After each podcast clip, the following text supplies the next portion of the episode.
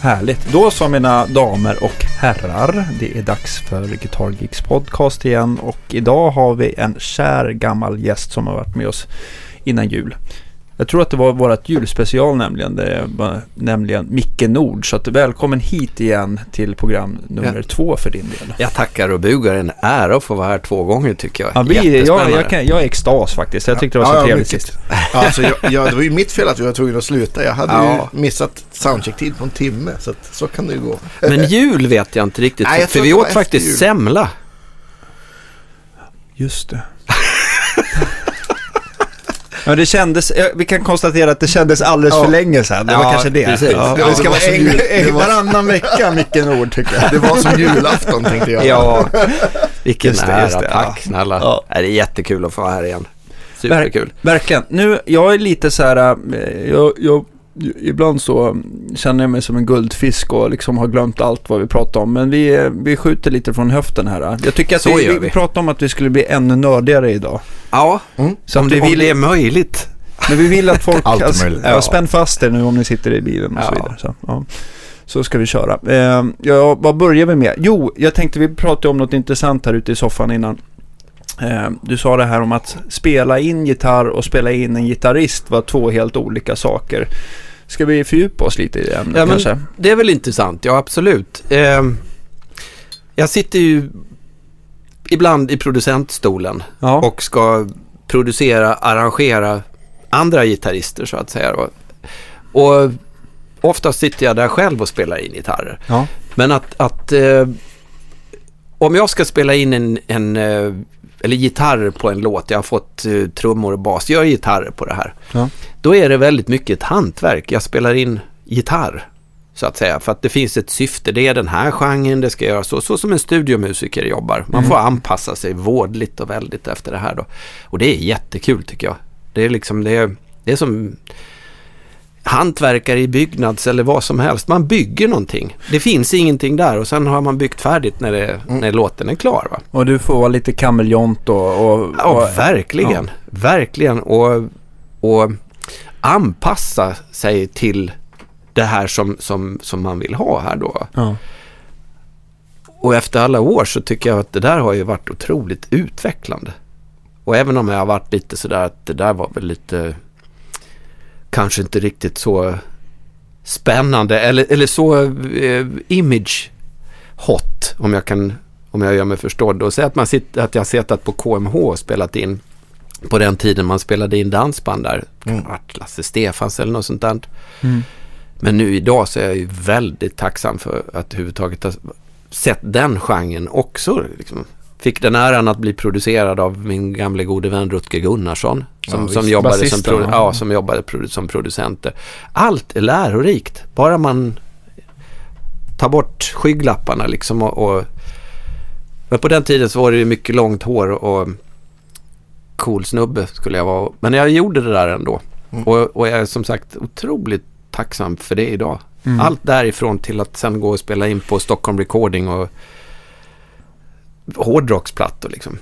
Jag tänker så här, man, man tänker ju inte som dansbandsgenren som någon direkt så här gitarrvirtuos musik. Men det kanske kräver ändå sin liksom lite eftertanke när man spelar in den typen av gitarr sådär. Eller va, va, ja. hur, hur, tänker man? Slår man på koruset och... och...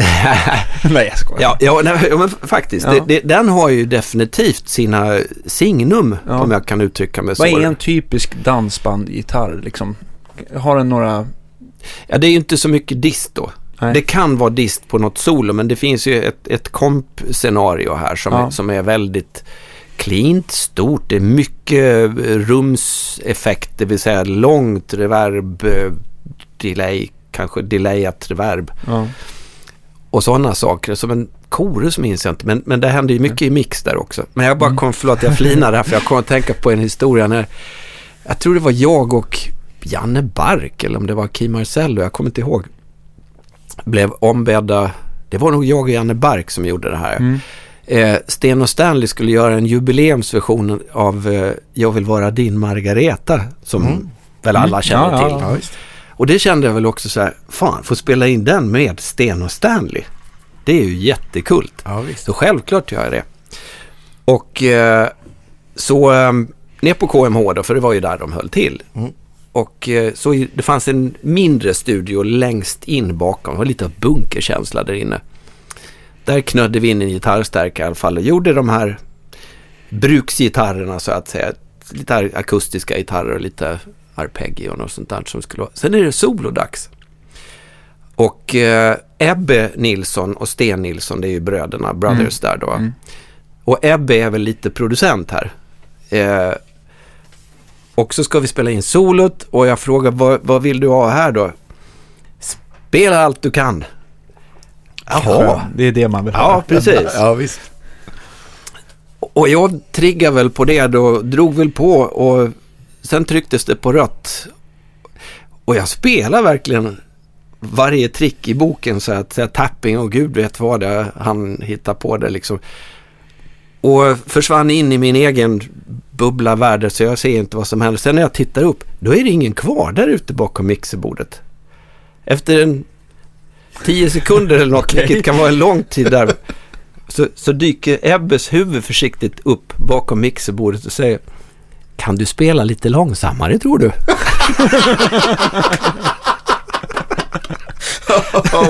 så det var ändå ja. KMH, till exempel. han, han, tog, eh, han, tog, eh, han tog täckning i skyttegraven. Ja, det var lite så ja. Jag tyckte, vad i helvete är det som för sig vad har gjort? ja, det är en fin, och jag, det är också en sån här jättekul inspelning, jättefint minne. Ja, men det blev lite långsammare solo. Ja, det blev lite ja. mer anpassat ja, igen då så att ja. säga. För det, det går inte att ställa till med vilka dumheter som helst med Sten Stanley. det gör det inte. men han ställde inte den, på några fler, den frågan på några fler Nej, i, inte där. Nej, utan jag, jag fattar ju läget också. Ja, okay. att, men han sa faktiskt att spela allt du kan, så ja. jag gjorde ju det. Så kan det gå. Ja. Nej, men det, så att det, allt är lärorikt. Ja. Och, när du, kom, du, har ju, du har ju spelat in några ganska tunga namn också. Om jag tänker mm. på de här Scorpions-killarna. Hur är, hur är de att arbeta med? Är de väldigt formbara också? Att du kan, du, de gör exakt vad du... Mm. Som producent så här, att de kan... De är väldigt öppna för förslag eller är de väldigt så här skygglapparna på och kan bara köra sin grej eller hur funkar det där? Ja, bara köra sin grej. Det finns ju ett Scorpions signum som ungefär så här förväntas Scorpions ska låta. Och här är det som producent och, och gitarrist själv så, ja. så det är väldigt lämpligt att vara gitarrist när man ska producera det här. Ja, eh, så, så finns det ju en tvetydighet i det här för man vill hålla sig till sitt signum, sitt varumärke. Mm. Samtidigt som man vill överraska. Mm. Och det har ju vem som helst det här går ju inte riktigt ihop. Så att eh, min idé, min och Martins, Martin Hansen, min kollega, vår idé var, blev väl egentligen att, att göra som, som de lät någon gång på 80-talet, fast idag. Så att det är liksom traditionellt Scorpions, men idag. Mm. Vi, vi, har inte gjort 70-tal för då var det en annan gitarrist, Uli mm. Roth var, var det då. Idag, sen 80-talet så är det Mattias Jabs, han är fortfarande lite nykomlingen där då. Efter 40 år. Ja, Känns det så också att han inte riktigt med? Nej då, han, ja. han, är, han är ju väldigt drivande där ja. idag. Och, och det har varit, jag har ju sett att bredvid honom nu månad ut och månad in under, sedan 2009 då jag började jobba med mm. dem av och till. Då. Och det har varit väldigt lärorikt. För spännande här är också att det, det finns ju ingen begränsning om man nu verkligen vill nörda in sig i något. Mm. Okay. Vi vill prova mikrofoner till eh, att spela in gitarr med. Liksom. Precis. Ja ta allt som finns då, så testar vi det. Okej, okay, men, men hur ser det ut då? Har han sin favoritgitarr och så är det fram med lödkolven eller har ni, hur, hur eh, när ni provar mikrofoner? Hur, hur det, det är samma med gitarrer. Ja. Det kommer väl ett 30-50-tal gitarrer. Ja. Så du har klämt på några som ska, som ska liksom ja. provas och gås igenom lite för varje låt sådär. Mm. Och i, i det läget är det ju jättekul och en, ja. en Ja precis, jag får ju han liksom... har väl ett par fina gitarrer kan Ja men verkligen. Ja men jag tänker Rudolf Schenker, han, det är väl mycket Vinge. Vad är, vad är det för det, Mattias Det är i princip bara Vinge. Ja. Ja, Mattias är, han är ju känd för Explorer-gitarrer då. Ja just det. Mm. Och eh, jag skulle vilja påstå att de vi har använt mest är en gitarrbyggare som heter Boris Domonché. Okay. Som, som bygger hans Corina-gitarrer och hans de här som heter något med 90 för att de är 90% av storleken av en original Explorer. Ah. Det, det, han ah. har gitarrer som har en massa planeter på sig. Så jag, de heter något med som jag inte kommer ihåg nu. Och de by, bygger Boris Domenché. Var va, va finns han någonstans? I Tyskland. Ja, jo, men vart ja, i Tyskland? Ja, eh, ja, Hamburg tror jag det ja. Någonstans mellan Hannover och Hamburg. För du har ju köpt en gitarr av honom som du har Jag gjorde mig. det faktiskt. Det var många år sedan jag fick klämma på den, men ja. den var jättefin. Ja, men superfin. Jag, blev så, jag tyckte det var så, så eh, att vi, vi, det blev så de två första plattorna vi gjorde med Scorpions där att jag och Mattias när vi, alla miltals av gitarrer, miltals betyder om det här hade varit tejp alltså. Ja. Mm. Jag har spelat in och så kopiöst mycket gitarrer och jätteroligt har det varit. Mm. Så är det, fall, kom det ofta tillbaks till vi testade runt och testade runt och sen satt han där med en Corina Explorer. En gammal original? Nej, Nej. utan de här Boris-gitarrerna. Mm. För de är så väldigt anpassade i tonen till registret till det här. Eh, snabb, snabb gitarr men, men inte för tung i gumpen. Mm, så att precis. säga. Jaha, så de är inte riktigt lika bastunga Nej, som precis. en Mahogny Explorer? Nej, då. precis. För de, jag tycker nästan det är ganska kul att spela på Explorer för att det är sån här low-end chunk verkligen. Man känner ja, men oftast att de har, de har mycket botten för att vara absolut. planka. Liksom. Det finns ju de här 76orna. Eh, dels så kom det ju en serie 76, jag har en sån ja, original ja, så ja. som är mahogny. Den väger ju 40 gånger mer än vad en Corina gör, alltså den är riktig kluns. Men sen har du ju de här reissue på 76orna som vi säger är en reissue mm, också då. Som har ju blivit en, en väldigt bra hårdrocksgitarr helt enkelt. Mm, alltså väldigt poppis i, i den genren då. Och det är skitbra. Jag har ägt ett par stycken och kränkt dem vidare nu men... Ja, jag också. Jag tror att jag ägde en gammal, det var på 90-talet när man var hårdrockare själv och hade någon gammal 76 ja, där. Men eh, de, jag tyckte de var skitballa gitarrer faktiskt. Ja men absolut och, och de är väldigt trevliga att sitta med i knät också när man spelar in faktiskt. Jag tycker till och med vingen är ganska trevlig att ha i knät. Det är man, många som klagar på den. Men... Man får en bra knipmuskel. Ja, absolut. ja, precis. Men ja. Man får ju knipa ihop knäna. Ja. I början så gick jag därifrån. Ja, det jag har, spelade in. Rudolf, jag hade ju kramp i armarna för fan. Du, jag alltså, menar inte du, den knipmuskeln. Ja, men, du menar så, för jag lägger vingen precis över bägge benen. Va? Ja, som en kontrabas. ja, men precis. precis. Nej, men alltså Explorern den är ju stor och sådär. Men jag mm. menar, det, den, det är något nice med den. Man bara lutar den bakåt så är den så tung så den ligger kvar. Så lutar jag armen över när jag håller på med datamusen då. Liksom. Ja, och tröttnar man riktigt så kan man lägga den i knät och ha den som fikabord. För ja, den är så jävla stor. Liksom. Ja, Ja, det är laptopen till höger och ja, men, precis. vi hade ju Torell här för ett par avsnitt sedan och då pratade vi om också Ja, vi pratade om någon gammal, ja, med den Blackness Allstars-plattan. Och då var det ja. låt som, där han spelade Explorer. Man tänkte, det är en, ja, ja. It should have been you, det är en soul-låt liksom. Ja, ja, ja. Plus att, och då kom vi också in på, ja men Van Halens första platta, det var ju för en Ibanez. Men mm, en, mm, mm. en kopia då. Så ja, de tidiga Van Halen-plattorna, alla gitarrer som inte har svaj är ju faktiskt en sån. Destroyer. Ja, precis. Det är väldigt allround-gitarr. Mm. Jag, jag trivs jättebra med den alltså. Men jag tänkte på, eh, du, eftersom du ändå har provat Rudolfs och Mattias Jabb som kanske inte gillar att använda samma stärkare. Men kan du säga någon så här, eh, är det jättestor ljudskillnad i din bok mellan Vingen och Explorern? Ja, och jag önskar jag kunde beskriva varför det är så. Det kan jag inte göra. Men, men alltså vingarna, de låter så olika. Jag har inte Rudolf har en ofantlig massa fly, vingar. Massa original också misstänker jag. Ja, ja, jag tror han har fem eller sex. Ja. Alla tre miljoner styck typ. Ja. Eller det kanske inte räcker. Nej, det är nog något sånt. Alltså. Ja, 58. 58. Ja, precis. Ja. Herregud. Och det har ju varit bara som gitarrist. Jag vet att en av de här är den han använde till exempel till arpeggiot på Still Loving You. Ja, visst. Och, och mycket av det här. Och det vet han, han har en jävla koll på det här så han pekar det är den och sådär. Mm. Men det har varit intressant att sitta med alla de här gamlingarna då så att säga. För det är ju en helt annan sak. Det är ju också Corina till att mm. börja med. Ja. Limba mahogny tror jag det heter också. White limba ja. heter det till och med, precis. Okej. Okay. Afrikansk ja, historia där. Så Corina är ett påhittat namn Jaha. egentligen. Eh, men när man säger sådär, till exempel mickarna mm. på de här. Mm. Det är ju bara dem. Gamla paffarna. Ja, precis. Ja.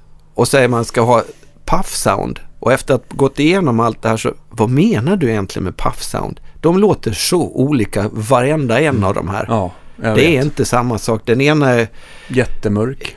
Ja, och, och het och den andra är ljus och svag och allt däremellan. Ja. Och den ena brummar som fan och den andra är knäppt. Alltså det, det är bara tur. Men det finns mm. inget i min värld längre något som är puff sound. Jag förstår vad man är ute efter. Ja, men, men det är inget enhet, det är inget egentligen fast begrepp. Man är ute efter någonting mittemellan stratta, single coil och en eh, ja. aktiv EMG. Precis. Jag tror vi snuddade det förra gången lite, lite grann sådär. Att, ja, men jag men tror precis. att det var där vi slutade. Ja, men, men, att, att det, det, finns någonstans där det är en, en svag paff, eller som inte är för, för het då, ja.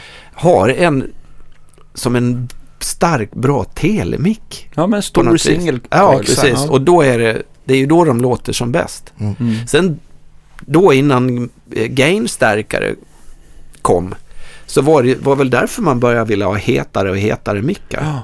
Man kunde ju bara få, man kunde ju få upp den, magnetstyrkan det blev ju oftast att som de här Super Distortion som mm, var, mm. blev populära på 70-talet. Mm, mm, så var det ju mer, mer tunnare och mer tråd, fler varv. Ja, och sen så starkare keramiska magneter ja. så får du det där. Men de, en gammal Super Distortion, om en gammal Puff mäter runt 7,5-8 kilo ja, ohm som äter ju en sån här Super Distortion. Det är ju 22-23 ja, där någonstans. Så ja. det, det, är en jäkla skillnad, massa mer tråd.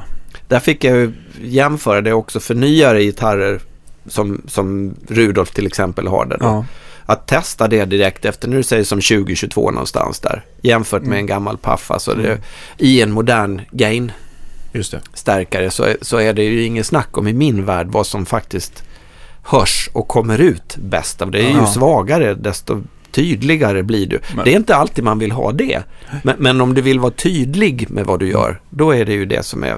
det brukar ju bara bli massa hårt mellanregister kvar av de där ja. high gain mickarna. Och det är ju ett sätt att gömma sig om du, om du vill fuska lite kan man väl, om man ska Men vara hård. Och så, över lite Ja, grann. absolut. Det är väldigt förlåtande för här kan du spela nästan vad fan som helst. Det hörs liksom inte. Jo, men det där mellanregistret gör väl att, liksom, och den outputen gör ju att kompressionen ökar också. Ja, Då blir det mer lättspelat. Mm. Ja, men absolut. Ja. Kompression är lättspelat. Mindre ja. dynamik då. Absolut. Men jag tänkte på det här med att vissa brummar. Det är ju att när de gjorde den där, om man tänker idag när de är på de här eh, mickfabrikerna, säkert mm. Gibson eller Asien eller vad man, whatever.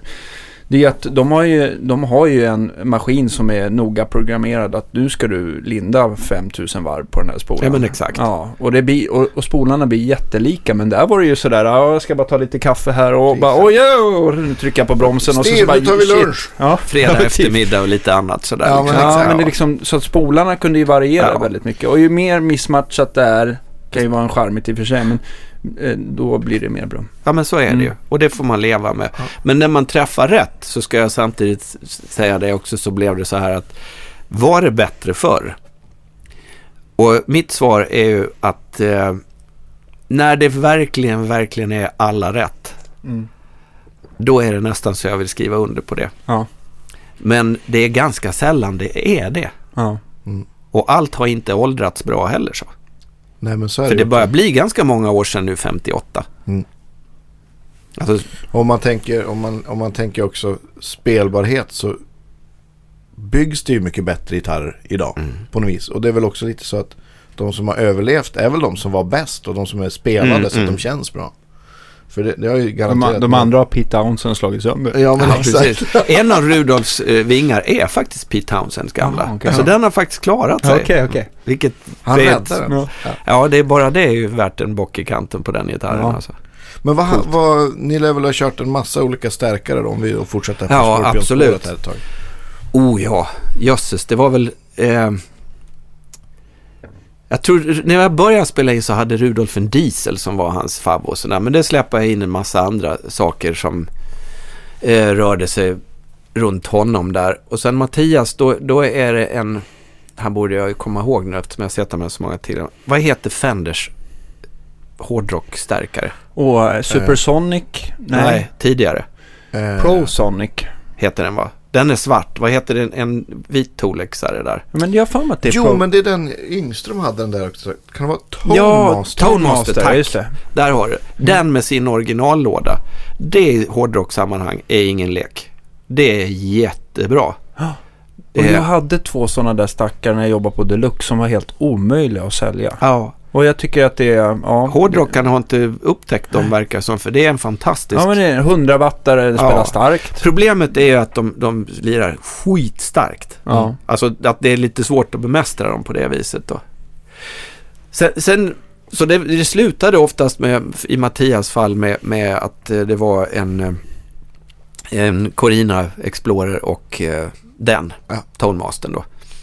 Eh, sen övergick det här mer, jag, jag hade jobbat med Sten Skrydstrup i, i några år innan jag träffade de här Mhm. herrarna då.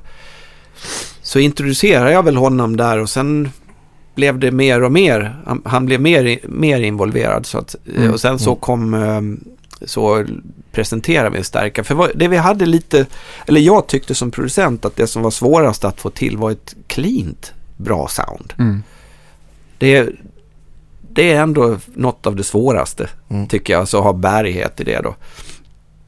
Så Sten kom dit med sin OD50, heter den. ja, just det. Och det följer ju väl i smaken och sådär då. Och sen så föreslog jag också då, för jag hade den, hans SD50. Hans, Just det, den är lite mer drag i va? Alltså, ja, den har bara, det är bara drag i den. Ja. Mm. Två, två stadier av Vilket- drag. Vad fan vilken bra sales point. Det är bara drag i den där stärken. Ja, men precis. Den ska jag kränga iväg till Ja, Sten. Ja, kände det jag. tycker jag. Jag ser annonsen. Ja. Nej, men så att de två ihop, det är så han har tänkt det, så ska det ju switcha emellan där då. ja. Och så blev det väl så att det är de här som vi börjar använda mer och mer då. Mm. Och framförallt eftersom det rockas mest så är det ju den med bara drag i då. ja, just det. Sen så upptäckte man det för att turnera så kan man inte ha den cleana kanalen OD50 och sen de två från SD50 för de är tvåkanaliga Mm. i en och samma stärkare. Och då blev det en, det, det lyckas han få till en som, jag tror den heter TD50, den har jag aldrig ägt själv då. Nej. Som är väl det de använder i, live idag. I alla fall tills Mattias och Sten byggde, utvecklade en stärkare ihop. Jag vet inte riktigt vad de har live idag, men, Mm. men det är Skrydstrup Ja. hela vägen nu då. Lådor och switchsystem och, Och- och- gud vet Och allt. Rudolf gör... De, de kör samma Rudolf har stärk. också, ja precis. Ja. Rudolf har också. Jag tänkte om de jag hade vet helt inte om olika... Mattias har den här TD50, men han... Men, men Rudolf har det Ja, definitivt det, och han har ett wet dry wet system också som, som i övrigt är ganska härligt retro med, med 2290 som chorus och, och de där grejerna. Så Ja, det, fint. det, det låter jättefint alltså. Och wet dry wet är alltså att det, det är tre högtalare och Mm. det är ett torrt utan effekter i mitten. Precis, Ja. och då har Sten byggt det stereo slutsteget till wet wet Ja, just det. Blö, blötlådorna. Och där vill man egentligen inte ha, det kan vara ett ganska transparent och cleant slutsteg. Eller, Ja, vill, man ha ja. ett, eller vill man ha mycket färgning? Nej och- men det är ju bara effekterna egentligen Ja. som ska ut så det ska väl vara, så, så har jag fattat det. Ja, jag, jag jag, testade det där wet dry wet själv men det var inte, det är inte min grej riktigt. Nej, jag vet. eh, Jag har också provat det själv och det Mm. känns, det känns eh, konstigt. Jag tror att det är en invärning, invandrings... Kan vara eh, mycket grej. väl. Men jag kan tänka mig att för en tekniker som kanske står på sådana här stadion och Mm, mm. inte vill ha allt den här effekten då. Nej, då, precis. Så kan det ju vara kanske enklare att mixa tänker jag. Men det... Det kan det ju vara. Ja. Å andra sidan som gitarrist så vet du ju inte vad tekniken Nej, gör med precis. ditt sound. Jag- Så att det, det är två, tvåvägs det här då. Så att Jag säga. har till och med ett rack med en mixer och, och, Ja, ja. och testade men jag, jag blev också så nöjd och sa ja, men om jag har gjort ett ljud och jag tycker att det ska vara jätteblött och så ja, ja. spelar jag så så hörs det inte så där ute då. Nej, och då står jag och spelar efter ett sound som inte Men det finns ju existerar. Swish. Ja. Ja. Funkar inte det till... Nej. Sound switch. Ja, precis. exakt. Nej men så att, då tycker jag lika gärna man kan faktiskt köra stereo. Ja, jag gör det. Och det har jag gjort i så många år. Eh, men jag provade det här Wet Mm. Dry Wet ett tag. Men, Mm. men som sagt, det, det blev bara... Sen om jag nu vill ha en choruseffekt så när den inte är på i mitten då så blev det inte vad jag förväntade mig så att Nej. säga. Men det där är tycke och smak och, och Mm. båda är naturligtvis, som du säger, det är ju vad man alltså, vänjer sig det, också. Det låter ju vansinnigt stort om man står ja, mellan de här lådorna. Ja. Det, är ju, det är ju en fest. Ja, det är fantastiskt mm. om vi tar som Brian May som, som har sitt Wet Dry Wet 3 AC30 som, och AC30 så de låter inte så stort. Ja, har, det, du, har du pluggat på väldigt mycket om hans sound? Jag vet vad det är. Ja, Pete ja. Cornish är, är ju uh, gubben som... Gubben, förlåt, Pete lär inte höra på det här. Så. Ungdomen, ja. Ja, den mannen. Den, den, den, mannen Pete Cornish är ju den som har byggt och Brian May var en av hans första.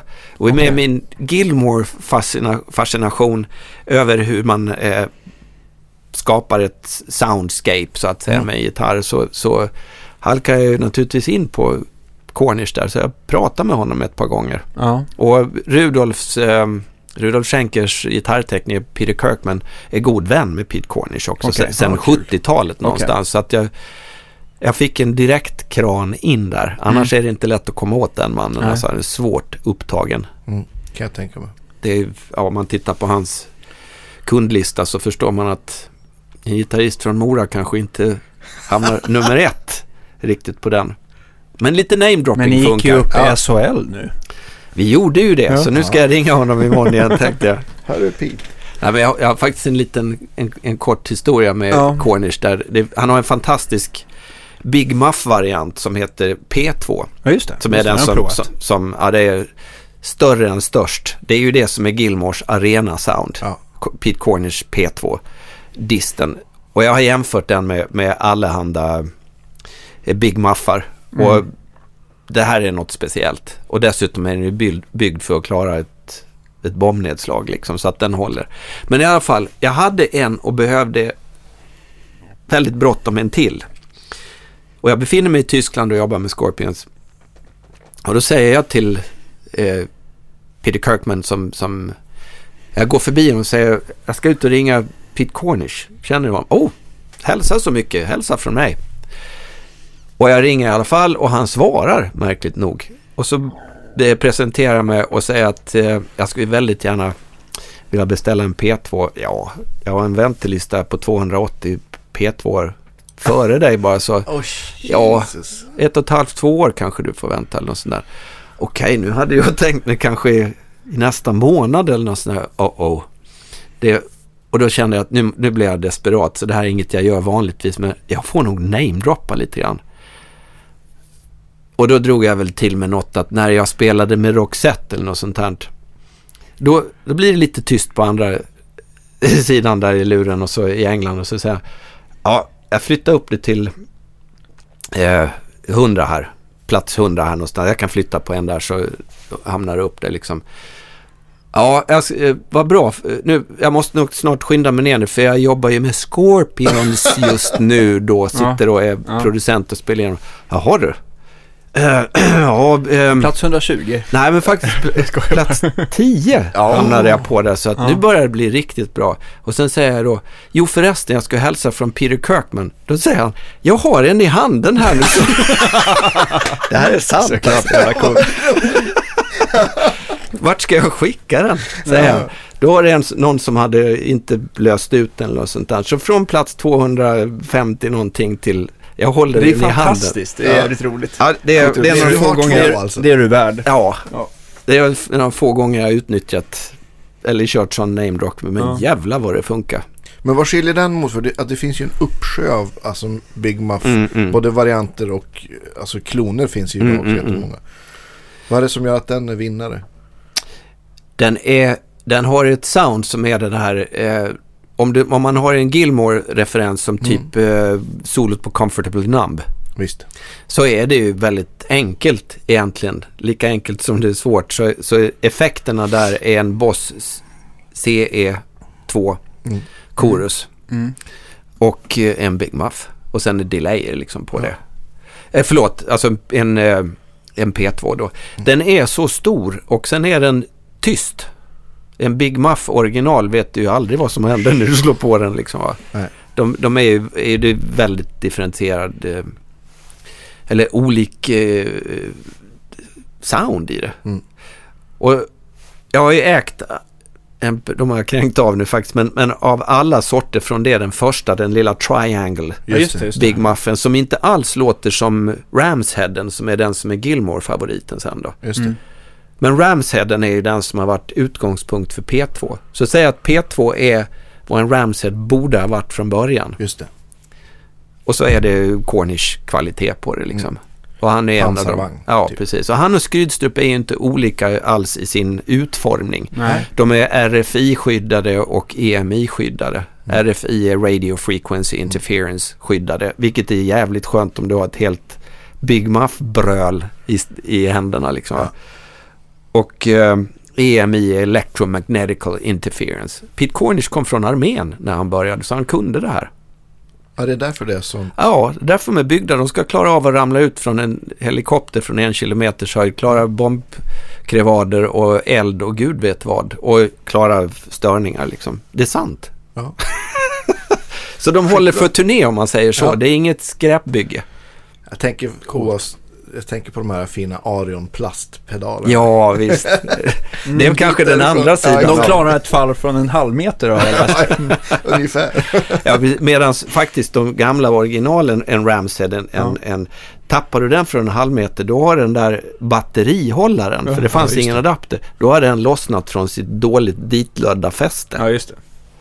Och så fick man in och tejpa där, sen slängde man dem, så åkte man ner Köpte en ny? Ja, faktiskt för 125 kronor hos gamla musikbörsen där. Just det. Av Nysse eller Jerker? Det var Jerker då. Ja, ah, då var Nysse lite för liten för jag var 13 år när de här kom. Och, okay, okay. och då åkte man tåg gratis. Åkte ner från Mora och, och köpte en sån för 125 kronor och så åkte man hem och spelade utav helvete på ungdomsgården mm, Sandisen. Ja. Coolt. jag vet inte hur många sådana Big Muffar jag har verkat i mina dagar. Jag tänkte på Brian May. Mm. Eh, vad är AC30 och hans egna gitarr? Vet du, som är, är det någon gammal guild eller? Jag är svårt att... Den, den byggde hans pappa ja. av, av typ vardagsrumsbordet. Ja. Läste jag i någon intervju någon gång. Ja, precis. Det är jag faktiskt tror... han och hans pappa som har, har byggt det. Och mickarna är Burns ja, gitarrmickar. Ja, just det. Och sen höll de på att fippla där med, med jag vet inte, svajsystemet om de har byggt det också. Det de, faktiskt. Ja. Och sen är det väldigt speciell elektro elektronik. Och jag älskar idén att han och hans pappa har byggt ja, det här. Ja, det är helt fantastiskt. Ja. Och att han använder den och jag, jag såg en sån här, ni har säkert sett det på YouTube, Rig Rundown. Rundown. Ja, och när de går igenom hans, att Nej, det blir den gitarren. Sen har, har man ju byggt replikor ja, som man vet. har liksom sådär och någon har en annan tuning så det där men det går alltid tillbaks till den då. Okej. Okay. Det är märkligt att den överhuvudtaget har hållit i alla dessa ja, år. Ja, verkligen. Jag har ju känt på någon, eh, på någon sån här replika mm, som mm. ska vara väldigt exakt hans mm. gitarr då. Ja, det slog mig att eh, han gillar tjocka halsar i alla fall. De är tydligen mm, de är mm. helt enorma. Ja. Alltså. Så att, eh, jag vet inte om det är mycket av hans ton som sitter just där. Men, men, eh, ja, för i övrigt så är kroppen ganska liten. Ja. Mm. Faktiskt. det var jävligt ball ja. faktiskt. Sen det här är, förlåt, ja. det, det, är ju lite intressant det också med Brian Mays dist sound. Ja. Som, eh, försök dista en AC30 om du kan och få ut så mycket dist. Om du lyckas med det så är det så starkt så ingen människa kan vara i närheten. Eh, Pete Cornish igen, ja. det är ju här han börjar och han har ju rensat hans AC30 från allting. Den går inte in på treble boost ingången utan Nej. så vitt jag har förstått så går den in på vanliga inom citationstecken Normalkanal. normalkanalen. Ja. Mm. Och så har han tagit bort allting så att den inte ska bli så varm för Voxar gamla håller inte så bra. Så, så vibrato ingången det är bortkopplat. Det är bara en signal rakt in. Och istället för treble boost-ingången så har ju Pete Cornish byggt sina berömda TB treble boosters själv. Mm. Och här är väldigt spännande. Eh, boosters är ju lite missförstådda, underskattade lite grann. Mm. Så, säg så att du har ett, ett eh, lätt distat sound då. Ja, absolut. Slå på en booster. Ja. Sen slår du på en booster till.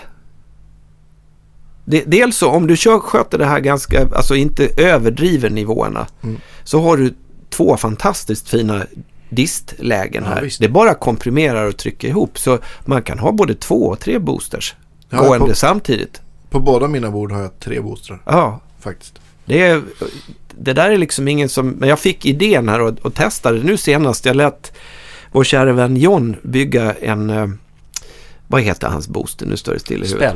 Spell. Spell, The Spell ja, som, som är fantastisk booster tycker ja, jag. Den är skitbra. Men den är lite Swiss Army-kniv sådär. Man ja men precis, ja. funkar alltid. Och så den har ju också det här eh, ett, ett, ett filter där du kan kapa topp ja, där uppe den i är, två den, lägen. Ja, den är, den är transparent i mitten och sen så, Som mer, fan. sen så lite diskantkapel mycket. Precis, ja. och sen har du om du vill, eh, om du blir lite för tjock ja. så att säga så kan du, du midjustera den här ja, åt två håll då så att säga. Men slänger på två stycken på raken ska du se vad det händer grejer. Och så har du, säg att du har, okay. om du har, om jag stannar vid hans utrustning nu och så en wizard. Kör den på ganska lite. Har, har eh, gain och eh, drive, ja. på ja, kvart i. 10 i då. Sen kör du en spell på kvart i före mm. det. Ska mm. du höra, känna vad det händer bra grejer. Så, så kör du en till på kvart i eller något lite mer kanske efter mm. tycke och smak. Sådär. Då har du, för det första, det brusar ingenting i det här läget. Och disten är, vill du åka Brian May-vägen så varsågod, här är det. Använd, lär dig använda boostar. Det är det... inget annat han har. Och Rory Gallagher i sin tur ja, lärde honom det.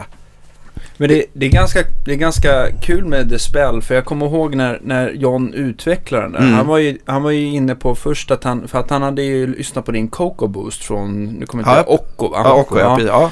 Och den har ju, den har ju volym, bas och diskant. Ja, precis. Och, och han var inne på att göra en sån. Och jag sa så här, fasiken, jag tror att om du gör en sån booster för Occon, även om det är en fantastisk ja, pedal så har det ju inte varit en sån, det har inte varit någon kioskvältare. Nej, märkligt nog faktiskt. Och MXR har ju provat att göra någon sån här microamp med ja, bas och diskant. Ja, alla vill väl göra en RC-booster. Ja, men tänkte jag så här, då kommer du, du, om du gör en, om du gör liksom en trerattad volym, bas och diskant, då kommer det bli som en RC-booster mm. från Exotic utan drive-funktion. Och jag mm, mm. undrar om det liksom tror inte folk vill ha det. Den kommer bara... Det finns inget bara, behov av det kanske Nej, men, nej, men jag tror att, även, då kommer, jag tror att det kommer... Intresset för att prova den inte kommer inte vara där. Nej. Däremot, det som blev så... Prova med, med en mellanregisterkontroll istället. Och då blev det så här att man både kunde... Eh, ta bort mellanregister och det, det ligger ju i ett relativt lågt mm, mm Q-värde. Mm, mm, eh, runt 500 Hz har John sagt. Va? Så att tar du bort lite då du, kan du få en starkare låta mer Fender om du vill. Bara justera det där lite grann. Eller så kan du lägga på den där mellanregister bara för att få lite storlek i dina Det har jag gjort. Haft en sån ja. interface jag har fått. Ja, men en, en Twin mm, eller mm. det var någon. Uh, ja, en Twin var det nog. Mm, mm. Hur ställde du in den då? då? Ja, jag plussade mid och så fick den stå på hela giget. Mm. Ja, just det. Det är ju också ett, ja, förlåt. En, jo, jag kom på, annars kommer jag glömma bort, en annan vinst med att, att köra det tricket och ha, ha en dry-pedal som man boostar, att man får ju samma alltså gain-karaktär. Precis. För, för om man ja. stack, stackar pedaler, det är också kul, men då ändras ju tonen och, och, ja, och frekvenserna. Så, så det blir lite mer liksom inom citationstecken stärkigare Ja men precis. Och en fördel till är ju också i det sammanhanget är att du switchar från eh, Säg att jag switchar från Falken som är en stor gitarr mm. till en, eh, en single coil. Mm. Då, då, får jag ju en nivåskillnad som jag gärna vill kompensera på något vis. Då kan jag ju ha typ, jag har, då har jag en boost på som ligger på bara ja, för att komp kompensera för det. Mm. Utan att den för den skulle, och här är ju transparens viktigt då mm. naturligtvis. Jag har använt mycket av de här, i alla fall första, nu använder jag relativt lite överstyrning, men jag har använt en boost innan. Eh, bara för att kunna kompensera snabbt live mellan ja. två olika gitarrer med olika output. Precis. Det har varit extremt. Det där är ju ett ständigt problem för oss som, som ja, man löser ju smidigast ja. så här. Liksom. För så. det finns ingen, jag vet ingen bättre lösning på det ännu. Nej. Än att hjälpa upp signalen. Och då, men det kräver mycket av, av boosten. Ja, Absolut. Ja, det finns många dåliga boostrar, eller tråkiga boostrar ja, ska man säga. Tråkiga är ja. tråkiga var ordet. Ja men faktiskt. För, för övrigt ska jag bara, ja. jag tror faktiskt att den, den heter, den här Occo heter inte Kauka. Nej just Utan det, det, nej, det, det är kompressorn. Den heter Level 42 eller något sånt där. Det var ett band. Någonting med 42 för den har ju 42 dB. Decibel. Det är väldigt mycket. Ja, det är, det är extremt så liksom. Det är kanske det man behöver för att dista 0 ja. 30. Men... Nej, men alltså, ja, ja faktiskt. Ja. Nej men överhuvudtaget så kan jag väl rekommendera att testa boostrar mer Absolut. än att gå och köpa en fem olika distar. Ska, ta din favoritdist och se vad Boostar kan göra med den. Det kan ja. i alla fall vara värt ett test. Men det och inte bara en utan men, två. En annan grej som jag tycker med Boostar innan en overdrive-enhet. Det kan ju också visa sig väldigt bra med just The Spell. Just att man kanske också vill lägga mellanregistertyngdpunkten mm. lite grann beroende på hur mycket boost du vill dra in i pedalen. Ja men visst. Ja. Så att det är nästan så här att man Eh, I mindre dist så kanske man har, vill ha lite eh, hängmattigare mm, mm. Och, och, kanske kliva på med mer och mer mellanregister ju mer overdrive du vill ha. Liksom. Ja, ja, men absolut. Så tänker jag själv i alla fall, men det kanske finns flera vägar till, till ja. Rom. Ja, det beror på vad det är för gitarr. Alltså det, det här också, och det tycker jag också det här mellanregistret är. Just det här med att anpassa sig. Och en bra kompromiss då, om jag säger så, mm. för live-setupen. Just det här att switcha. Om nu min Falken-gitarr, den är väldigt stor i sammanhanget, då behöver jag midknuffa upp singelcoilen. Mm. Lite grann då liksom. Och då mm. kan jag göra det. Det behöver ja, bara vara ack så lite. Ja, men så de inte hamnar i helt olika landskap liksom så. Mm. För att stärkan har ju sitt sound också som jag inte hinner springa och skruva om för varje liksom gura så. Och framförallt när du, när du trycker på med massa boost så är det skönt att ha det här lilla diskantkapet också så att det inte blir för mycket liksom brill där uppe. Så är det ju. Att byta från handbacke till, till single coil eller ja. stratt mic ja. där liksom. Ja, så det, det, är också ett, då är det ju direkt en nödvändighet att, att jag kör där ligger det stadigt på läge ett så att säga. Det finns ju två ja, kaparlägen. Ett funkar jättebra så liksom. Så att, eh, jag har varit lite så här, eh, vi har pratat lite med John där eh, om att eh, det skulle vara kul att ha en booster som var ganska så här avsett för att vara väldigt långt bak på bordet. Jag har pratat eh, pratat med några stycken om den här idén. Att man skulle ha, den skulle vara som Dispel men istället för mellanregisterkontroll så har man en deep cut istället. Mm, mm, mm. För att liksom just när man trycker på mycket mm, clean mm. boost in i stärkan och man bara vill ha upp eh, lite volym. Mm. Eh, eh, så kanske det kan vara skönt med en deep cut bara för att det ska bli lite fastare i basen. Ja, Absolut. För den kan ju börja fladdra i, ja. i, i elementen eller om, beror på hur mycket man ska boosta. Det där med, med, med för mycket low-end. Ja. Är överhuvudtaget något som du kan ha, tycka är trevligt när du står själv och mm. lirar eller när man ska sälja en stärkare i musikaffär. Ja, eller det. Sådär, liksom. Stort sound. Liksom. Ja, ja, överdrivet uppåt och neråt för det, det finns ingen plats för det i ett sammanhang alltså. Nej, så att nej. det där med att, att behöva kapa low-end ibland, absolut. Ja. Och, och, särskilt om man spelar väldigt starkt så, så kan det ju liksom, om man då slår på en booster och boostar lika mycket där nere så kan det liksom göra att stärken skiter på sig på ett sätt som kanske inte är. Nej, precis. Till exempel den eh, svarta Yngve-dodden är ju, tycker ah, jag är ah. fantastisk just, ah, just för det. För den tar bort ganska lagom mycket bas. Om man, om man tänka liksom ganska mycket gain. Liksom. Så en deep cut en, kan vara väldigt bra. Ja men absolut. Det. Det, det, om man spelar in med det här så är mm. det ännu svårare. Det är, jag menar, en inspelad gitarr, det första man ju tar bort man tar bara bort det. Det finns ja. ingen plats för det här. Liksom. Nej, men exakt. Det blir bara rörigt. Det blir ett högpassfilter runt 100 ja. Hz typ? Eller? Ja, precis. Det ska bara bort. Ja. Och då, då, är det ju ingen anledning att ens använda sig av det. Nej. Så att det, det där är, är, är väldigt...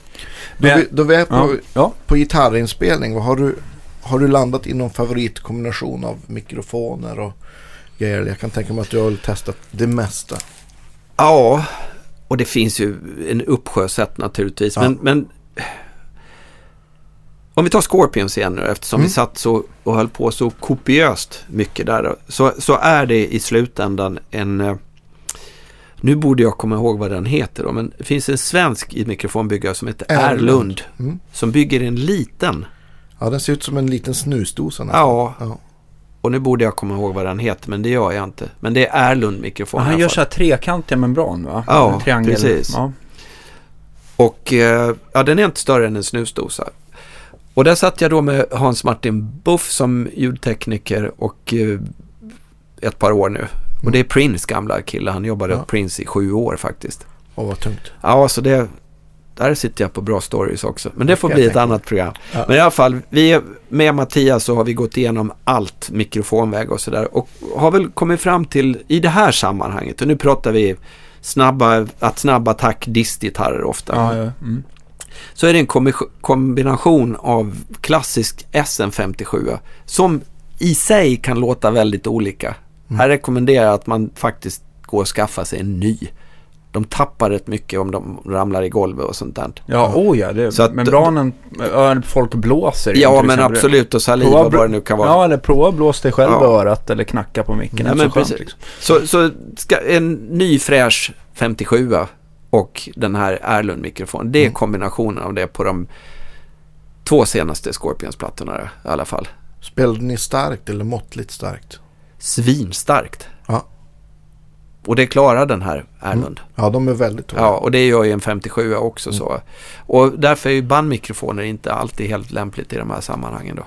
Ja, om det är pissstarkt. Precis, mm. de klarar inte hur, riktigt hur av det. Hur satte det mot, mot konen så att säga? Ja, inget speciellt egentligen. 45 grader lite vinklat in mot sådär och relativt nära.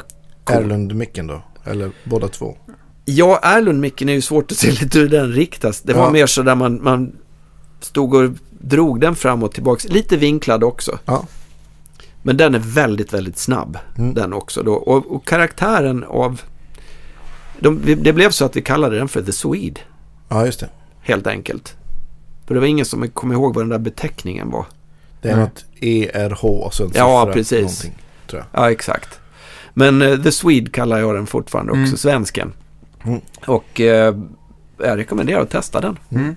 Det, är, det är väldigt, så här låter det. Ja, och ibland kan ju det vara tråkigt, ja. men, men så här låter det faktiskt. Och har du gjort din hemläxa innan, det du levererar ut gitarrhögtalaren, fine.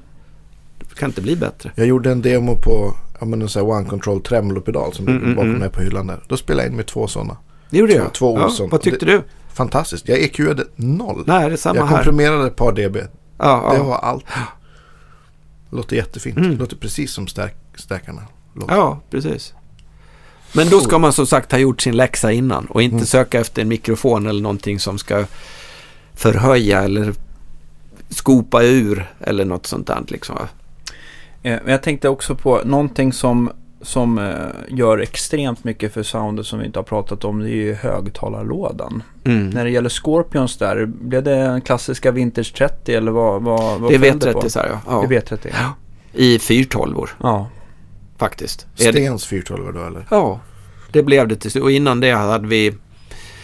Ja, vad hade vi för 412 då? Mesa kanske? Eller? Jag minns faktiskt Eller inte. Bogner. Kanske var en sån diesel eftersom man gillar gitarr. Alltså det, det, har varit, det var så... Det fanns en av allt. Okay. Om jag säger så, vem, så. Vem blev starkast på kuppen där och bära allting då? Ja, nu, nu finns det ju tack och lov folk som gör det då. Ja. Så annars hade man ju fan gått sönder. Ja. Det var... Men fantastiskt roligt att testa och gå ja. igenom allt det här. Ja. Och få ha sån tid ja. att göra någonting. Ja, men absolut. Så att det är jätteroligt. Eh, högtalarlådor vet jag inte om det spelar lika stor roll som elementen är ju det jag som kan tänka mig eftersom ni närmickar. Ja, eh, precis. Däremot så kan ju lådans volym och alltså litervolym ja. påverka rätt mycket det nedre registret. Det, det kan det göra. Och det absolut. i sin tur påverkar resten av hög mm. frekvensgången också. Men, eh, men det är klart, det, jag, tror att, jag tror att den skillnaden upplevs större av att man står i rummet än att ja. man närmickar i alla fall. Och apropå det här med, med om vi nu flyttar oss från studio till live. Mm. Så eh, jag gjorde en Björn Skifs-turné 2001 tror jag det var. Då hade jag två AC30s. Eh, det är ju öppen, open back då. Ja, just det. Just det ja. Eh, och ja, det är enligt PA, den fantastiska tekniken vi hade då, Kenneth Almgren, så, så var det väldigt lätt sätta upp två mickar framför. Jag vet inte vad han hade ens. Det, där brukar jag inte lägga mig i. De får göra sitt. AKG ja. någonting. 414 ja, kanske. Ja, det kanske var 414, så jag kom till, det var det nog. Eh, ja, så till, till, nästa turné sen nu, då hade jag bytt till eh, något annat som var sluten låda. Och jag tyckte att det skulle bli så mycket bättre. Vi behöver inte prata om vad det var Men kanske. vänta, jag nu måste jag, jag har ju känt dig så pass länge så jag borde fundera på om inte du körde, var det, var det att du hade hoppat på Elmwood-tåget Ja men precis. Och det är ju jättebra grej också. Ja. Men det var sluten låda. Ja, just det. Och det, det var... Och jag tyckte att det här lät så fantastiskt bra då. Men då... Um, ljudtekniken sa sådär att jag jublande då investerat i nya grejer så tycker, nu, nu är det väl ännu bättre. Kom ut ska jag visa dig, sa han. Så här ser din EQ ut nu och det var ju höga berg och djupa dalar som han hade för att få ut mig. Mm. Och då berättade han från sitt sätt att se på det så en open back är så mycket enklare i konserthus, lokaler och så här. För att de, de, skjuter, de rullar ju även bakåt lite. De läcker och är rätt stora egentligen. Mm. Men inte direkt riktade så, så att säga. Och han, han beskrev det som att det en open back, det är i princip bara om, om den låter bra i sig så är det bara att sätta en mick framför. Mm. Det är inte mycket man behöver göra.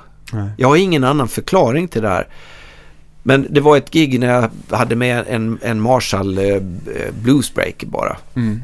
Och då tittade jag ut mot honom eh, efter det här då. Och tittade ut mot honom. Då får jag bara en tumme upp liksom. Och ja. så, så gör han bara, drar han fingret framåt. Betyder liksom faden har bara åkt upp. Ja. Det är allt jag har behövt göra. Ja.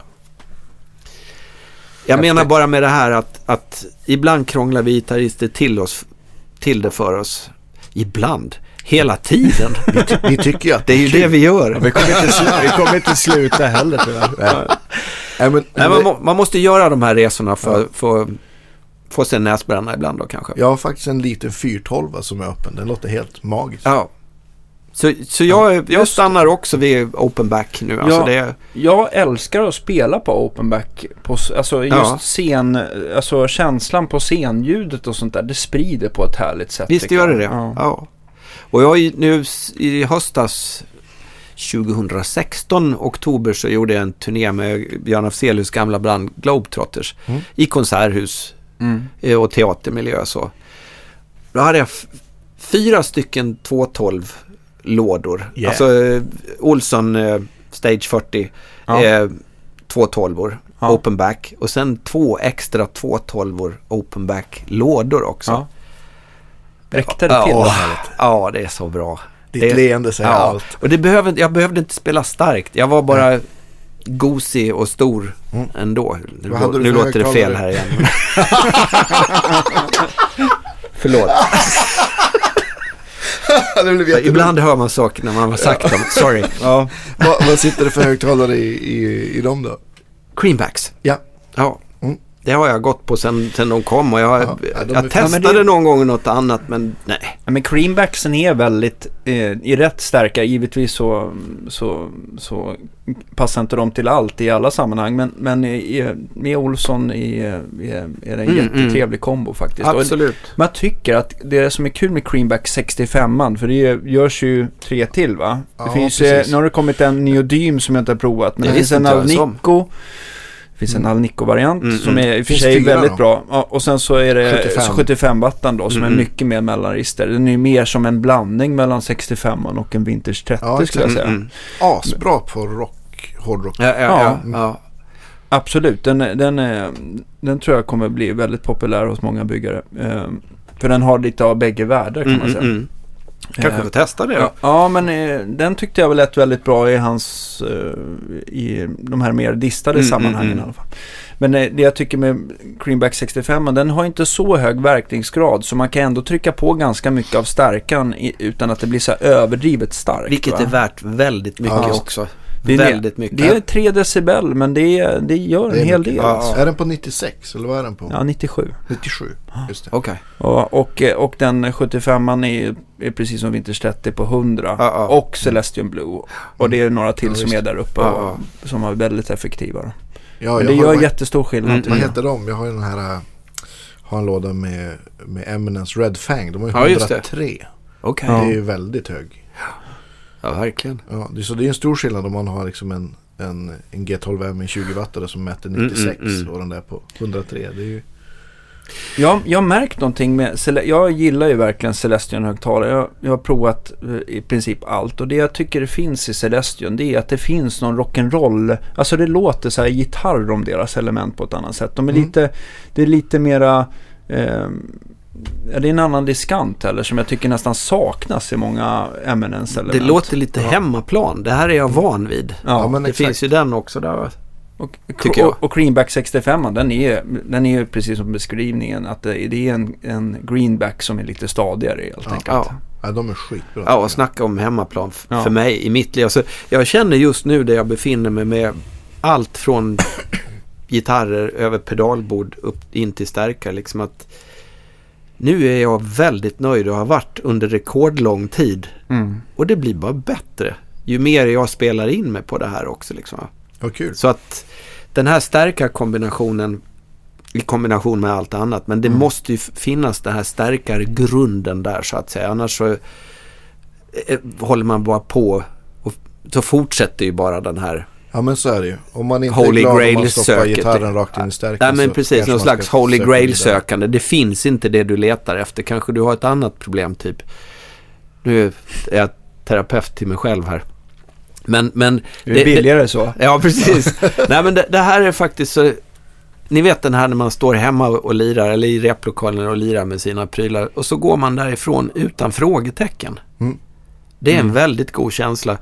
Och det där kan ju variera efter humör och, och, man får inte till något, vad det nu är. Men nu för tiden är jag nio och en halv gång av tio så går jag därifrån helt utan frågetecken och det känns bara jättebra. Jag är sugen på att gå dit igen. Mm. Fantastiskt. Ja, ja det är, jag hoppas det håller i sig länge. Tjo! Frasse river ner. Ja, precis. Ja, men det. Han ska också vara med. Jo, vi, vi, eh, jag tror inte vi pratade så mycket om gitarrer senast. Inte ett skit. Ja, Nej, inte ett skit Nej. faktiskt. Men nu. du, ja. nu börjar de här tekopparna göra sig påminda. Kan vi ta en kort paus? Ja. Farbror är ändå 57 år gammal. Ja. Vi återkommer efter en påfyllning av kaffe och te. Tack. Vi är tillbaks. Ja. Oh. Skönt med ja, lite te. Ja. Ja. ja, det var bra. Ja. Vad heter det? Jo, men gitarrer. Du har ju varit en stor... Eh, jag har ju klämt på din Falken. Mm några gånger. Jag förstår mm. att det är den här, vi brukar alltid ställa den frågan till alla gitarrister. Ja, just det. Liksom, huset brinner, vilken gitarr tar du med dig? Och vi ja. förstår ju att det måste ju vara den. Ja, så är det ju. Ja. Då får du berätta vad det är för något för... Ja, för jag har hört att du inte gillar den från början, är det så? Ja, jag vill inte ens ha den. Nej. Eh, då ska jag kanske reda ut det här nu då. Ja. Eh, så här var det att, att året är, jag tror det är 97 kan det ha varit. Mm. 97, 98 någonstans där. 97 var det nog. Och eh, jag har en väldig massa vintage-gitarrer och intresse i vintage-världen. Och samlar på gitarrer, tycker det är skitkul med mm. klassiska märkena Fender, Gibson och är sådär pojkaktigt eh, inne på den resan. Det är mm. häftigt att ha de märkena. Ja. Sådär som som ganska vanligt att man är. Och så är jag nere i Skåne och giggar. Eh, tror jag att det är. Och så har en, en, eh, en man som jag känner som heter Tommy Lidén av sig till mig och säger att det finns en gitarrbyggare i Skåne. Han bor i Malmö den här Tommy Lidén då. Som jag tycker att du borde träffa. Och jag sa att jag är inte så intresserad av handbyggda saker sådär. Utan jag, jag har mina och sådär. Tack för det. Och så höll det på sådär, han ringde några gånger till. Men du borde träffa den här. Det är fantastiska grejer. Och där man ju, hade jag tyckt jag hade hört så många gånger. Så att, mm. Och så var jag där och giggade. Och så mer eller mindre så dök han upp med en, en gitarr. Slängde den i knät på mig liksom så. Prova för fan innan du säger något mer. Och det var ju då en eh, förlaga till den gitarr som skulle bli Falken och gitarrbyggaren hette Johan Gustafsson och mm. höll då till i, nere i hamnen i Malmö. Eller den här som i hans första lokal så att säga då. Eh, och eh, han hade inte hållit på så värst länge då tror jag. Eh, Johan Gustafsson alltså. Mm. Kommer och, han från att han är så möbelsnickare? Han, han är möbelsnickarmästare. Han har mästarbrev ja. i det. Ja. Och en lysande gitarrist själv. Okej. Okay. Jaha. Det är få ja. som vet om mm. det. Men jag har alltid hört honom någon gång när han har glömt bort sig. Ja. Det är, han är skitbra. Snyggt vibrato. Ja, Snygga vänd. Ja.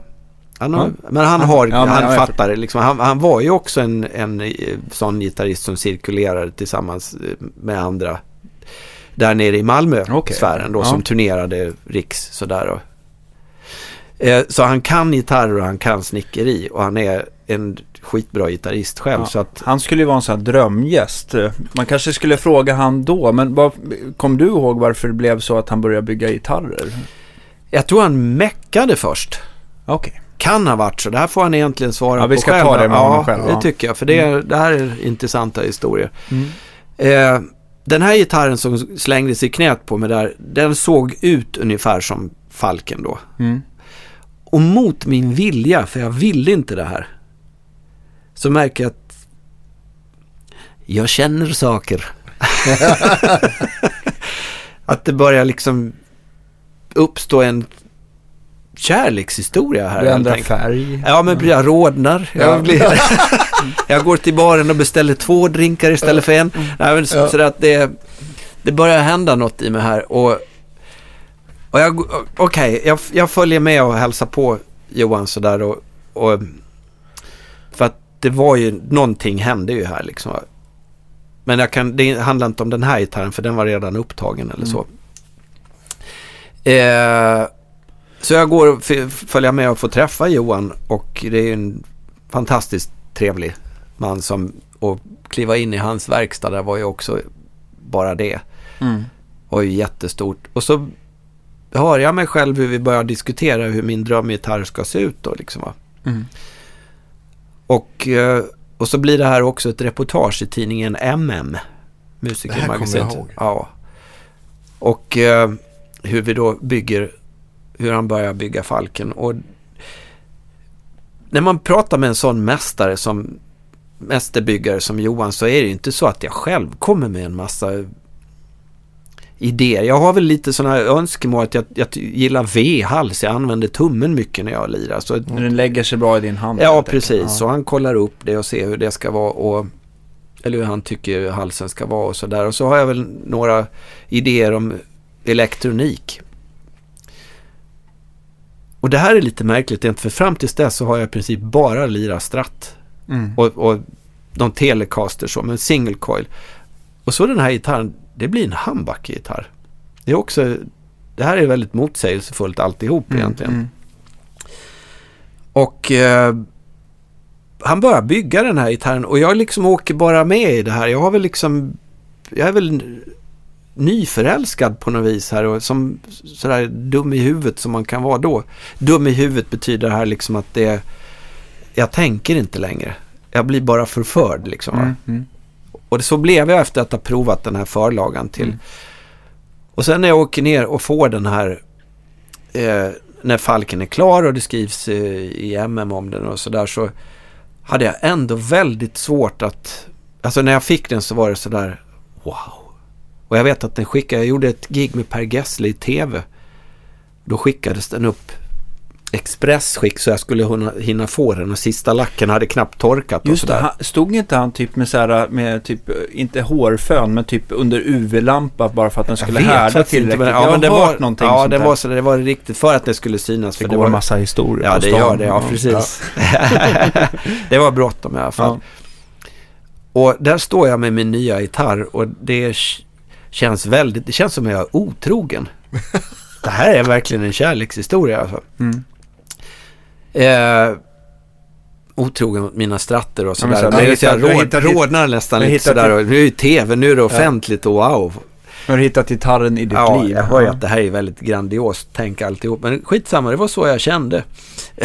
och ja, precis. Mm. Det, det, är ju, jag inser att det här håller på att hända något. Och sen var det, jag, hade, jag turnerade med Sven-Ingvars här också. Jag hade precis börjat få lira med dem. Mm. Och det är värt ett radioprogram i sig. Fantastiskt. Men det, Men det var väl sen. drag under galoscherna? Det var drag på alla håll och kanter. Det var mm. en fantastisk resa jag har gjort med dem. Men, eh, och då var det så att eh, där, där var det att få spela med min gamla barndomshjälte Ingvar. Ja, som är en fantastisk människa och kompis och gitarrist och allt det där. Inspirerade mm. mig mycket när jag var ung. Och eh, då är det ju stratt. Så jag har ju spelat stratta där liksom med mm. Sven-Ingvars. Men sen var det en slutlåt en kväll i juni eller något sånt där tror jag den hette. Eh, där jag skulle ha ett sånt, fick ett långt slutsolo. Alla sådana här arena style solo mm, liksom. Ja. Och där slängde jag in Falken då. för första gången live i det sammanhanget. Och det var mm. väl egentligen de jag turnerade mest med då. Och då minns jag att... Spela allt du kan. Ja, nästan så. Nej, men här med Sven-Erik var ju väldigt... Var ju. Ja, rest ja, in peace. Ja, verkligen. Peace, min ja. älskade gamle vän där. Min kära gamle vän. Ja. Eh, han var väldigt open-minded. Och gillade drag när det hände grejer och sådär. Och, och när jag hade gjort det här solot med Falken första gången. Då minns jag att han sa till mig att eh, du, det var en jävla skjuts i den där gitarren du. och då kände jag att, ja. Yeah. Man kan väl inte få ett finare, Nej, faktiskt. finare omdöme. Mm. Så jag kände, då började jag använda den mer och mer så jag vågade liksom den här för, förflyttningen från ren single coil strattkille till, till det som blev mer och mer Falken. Det sker ju där och han hjälpte mig över med den sägningen mm. minns jag. Jag glömmer den aldrig faktiskt. Han såg så där nöjd ut liksom. Mm. Fint är då faktiskt att sista gången vi spelar ihop slår det mig nu.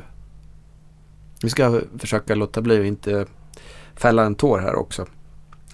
Eh, jag gjorde ett tv-program med Sven Just det, det har jag sett det tv-klippet. Ja. Det var väldigt fint. Där fick du eh, lite utrymme kan man säga. Ja, ja, det kan man säga. Och det var inte alls meningen utan det, det sades till mig där och då.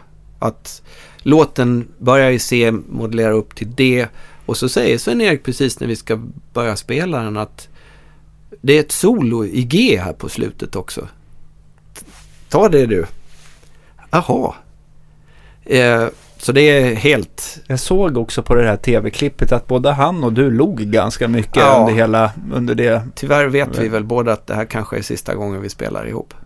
Ja. Mm. Så att det, och det, det slår ju mig nu att när han var den som sa det att det var en jävla skjuts i den gitarren. Ja. Att jag fick det solot där på slutet där också. Vi spontant kramar ju om varandra när det här är klart. Att det blev en liten, det blev knyta ihop påsen där. Det liksom. blev det. Ja. Mm. Fint. Jättefint. Jättefint. Och nu ska jag ta tio, fem sekunders paus bara. Det här är inte helt lätt att berätta ja. om. Okej. Okay. Ja, det går bra. Mm. Ja, det går allt bra. Det är inget farligt med det. Men det...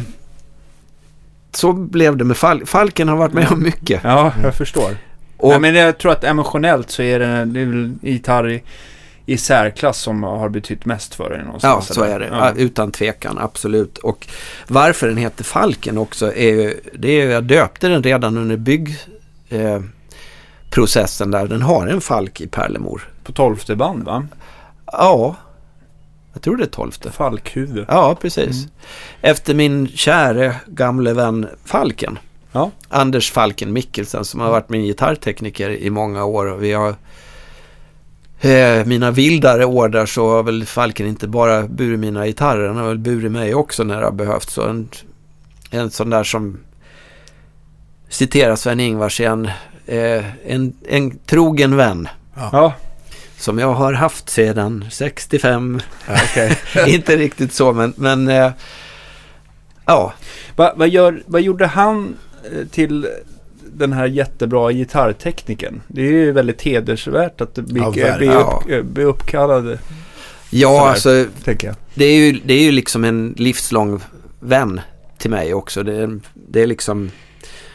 Eh, är, han, är han ett socialt geni eller gör han sitt jobb ja. extra bra? Eller, ja. ja. Det är bara, han, det är bara att fortsätta lista. Ja, faktiskt. Det är, det är en fantastisk medmänniska, kamrat, god vän i vått och torrt och allt det där. Och, du känner dig trygg med att gitarrerna håller stämningen när du kliver upp ja, på scen? Och, lika ja, väl som att när inte jag har hållit stämningen som människa och person mm. så har han stämt upp mig då. Mm. Så att säga. Så att, en riktig vän.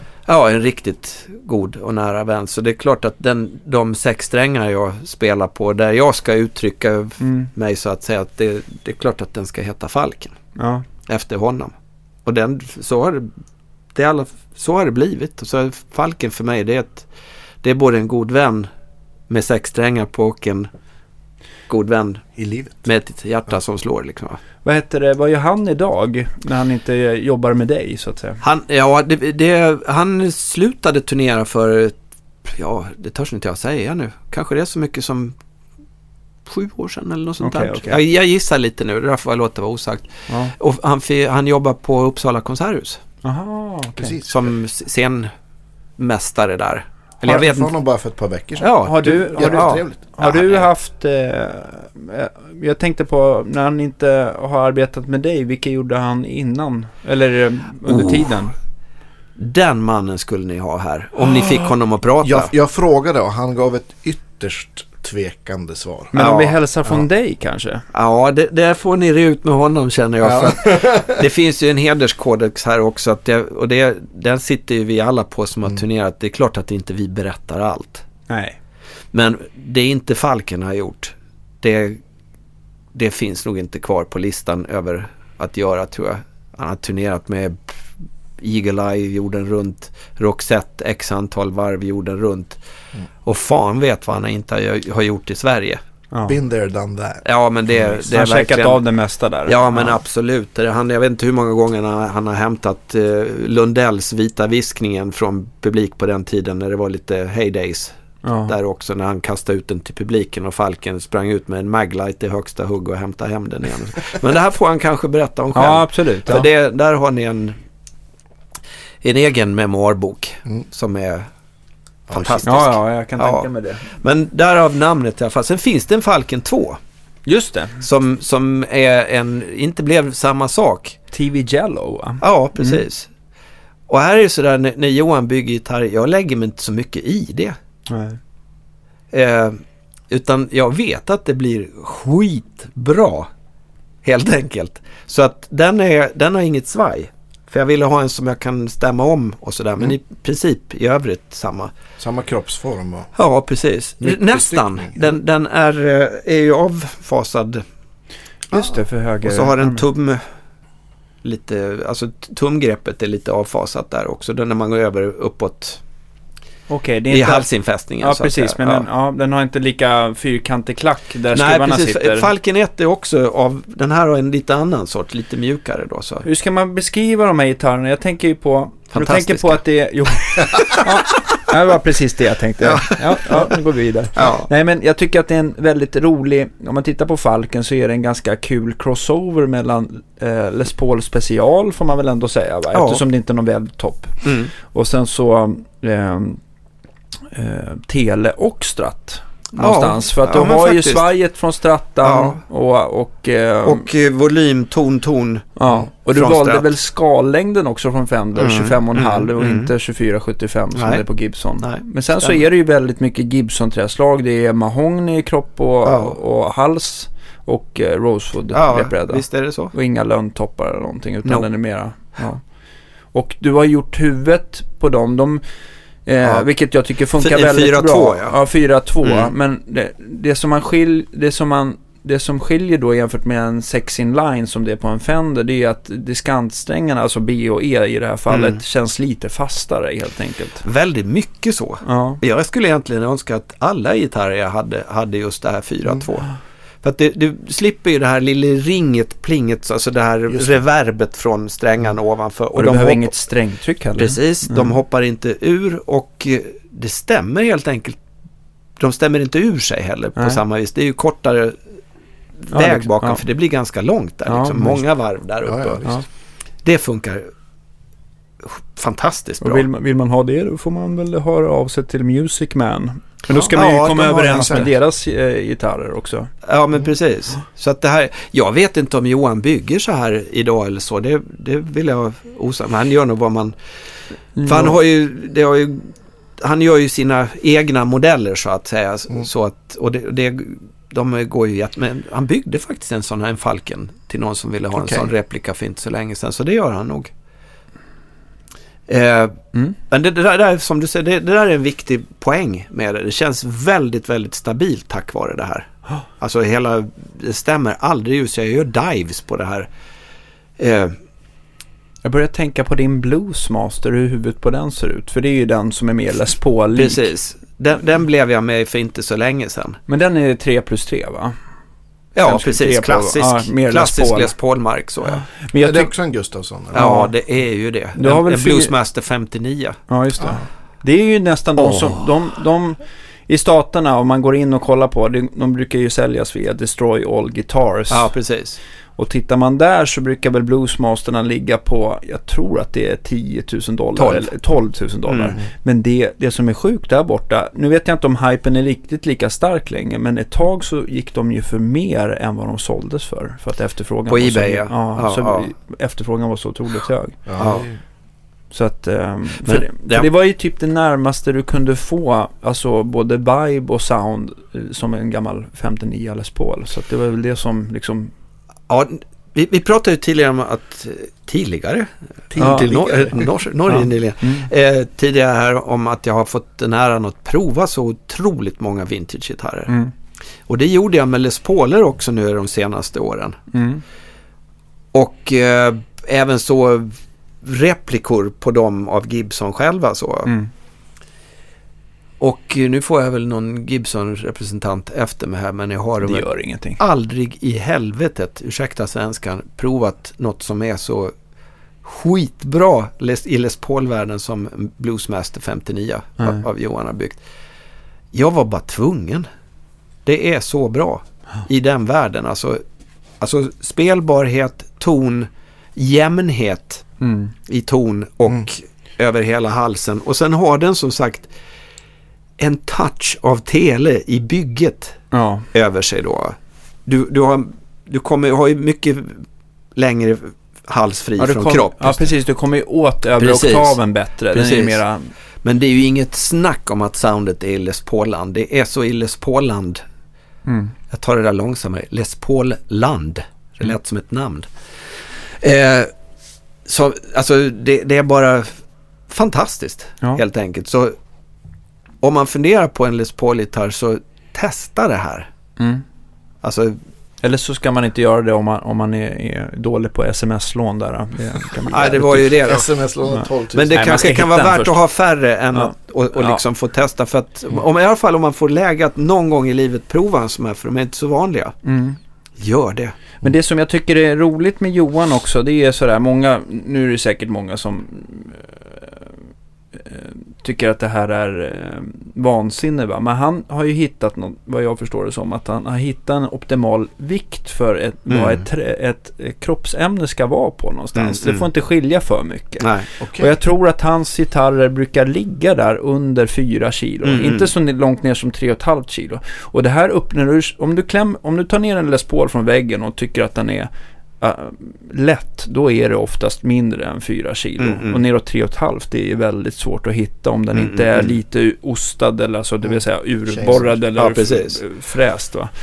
Uh, men han har väl hittat någonstans att, att uh, antingen så hittar han bitar som är så lätta eller så vad jag förstår det som så ta, fräsar han nu lite grann bara för att hitta den här exakta ja, vikten. Och där låter gitarren som bäst för det blir någon så här det blir inte för basigt, det blir inte för eh, smalt, det blir, inte, det, blir all, det blir liksom den här uh, jämna frekvensgången. Precis det här jag låter. menar, att det är så jämnt. Ja. Plug in and play. Ja. Åker du fel här då ska du kanske inte spela gitarr alltså, ja. soundmässigt. För ja. det, det, det går inte att halka fel. Sen mickar och sånt, det tycker jag smak. Men, men trät, kroppen i sig, det där... Den här vill man ju prova. Ja, men absolut. Det, man hör ju alltid... Eh, jag brukar aldrig... Jag tar det från det här hållet det, jag brukar ta mig god tid att spela på en elektrisk gitarr innan jag pluggar i den. Mm. Bara för att se hur svarar den här då? Mm. Pratar den med mig eller har vi en dialog eller vad är det frågan om? Mm. Sen man pluggar i, det, elektronik går ju att fixa med, ja, herregud. Absolut. Men däremot ett platt gods, det kan du inte göra så mycket åt liksom, vad som nu finns i det. Vad har du för mickar på den? Det är throwbacks också, ja. 101 då. Ja, ja, vi har gått igenom några stycken. Ja, men att, throwbacks är ju mycket trevliga, precis som du har på din SG. Ja, ja, ja. jag älskar dem. Ja, absolut detsamma här. Ja. De, är, de kostar lite, men det här är... Om vi nu pratar som jag uppfattar puff-soundet. Vi konstaterar mm. att det finns inget eh, regelverk för vad ett puff-sound är, men det här är som jag uppfattar i alla fall. Och ihop med den här Bluesmaster 59 mm. kroppen så... Ja, jag har fan aldrig hört något liknande. Nej, Faktiskt. men den är jättetrevlig. Ja, ja, ja, det är groteskt. Så det här är sån här... Jag hoppas jag får leva med den här gitarr, de här gitarrerna länge igen. Men jag ska säga en sak. Ja. Till, det, eh, det här med att vara stratta Jag var ju den när jag fick Falken ja. mm. kastad i knät där och så att säga. Nu har ju Johan faktiskt byggt en modell som heter Astro Caster. Caster, mm. precis. För det två år sedan, tror jag det är nu va? Som ja. den kom den första. Ja, om det inte är några, om det inte några är det år tre till. till? Tre, fyra kanske. Ja, men jag, ja. absolut. Det är inte länge sedan i alla fall. Nej, och jag fick ju den första i knät där då. och det vet vi hur det brukar gå. Ja. den är ju lite, den är byggd, den är ju mera...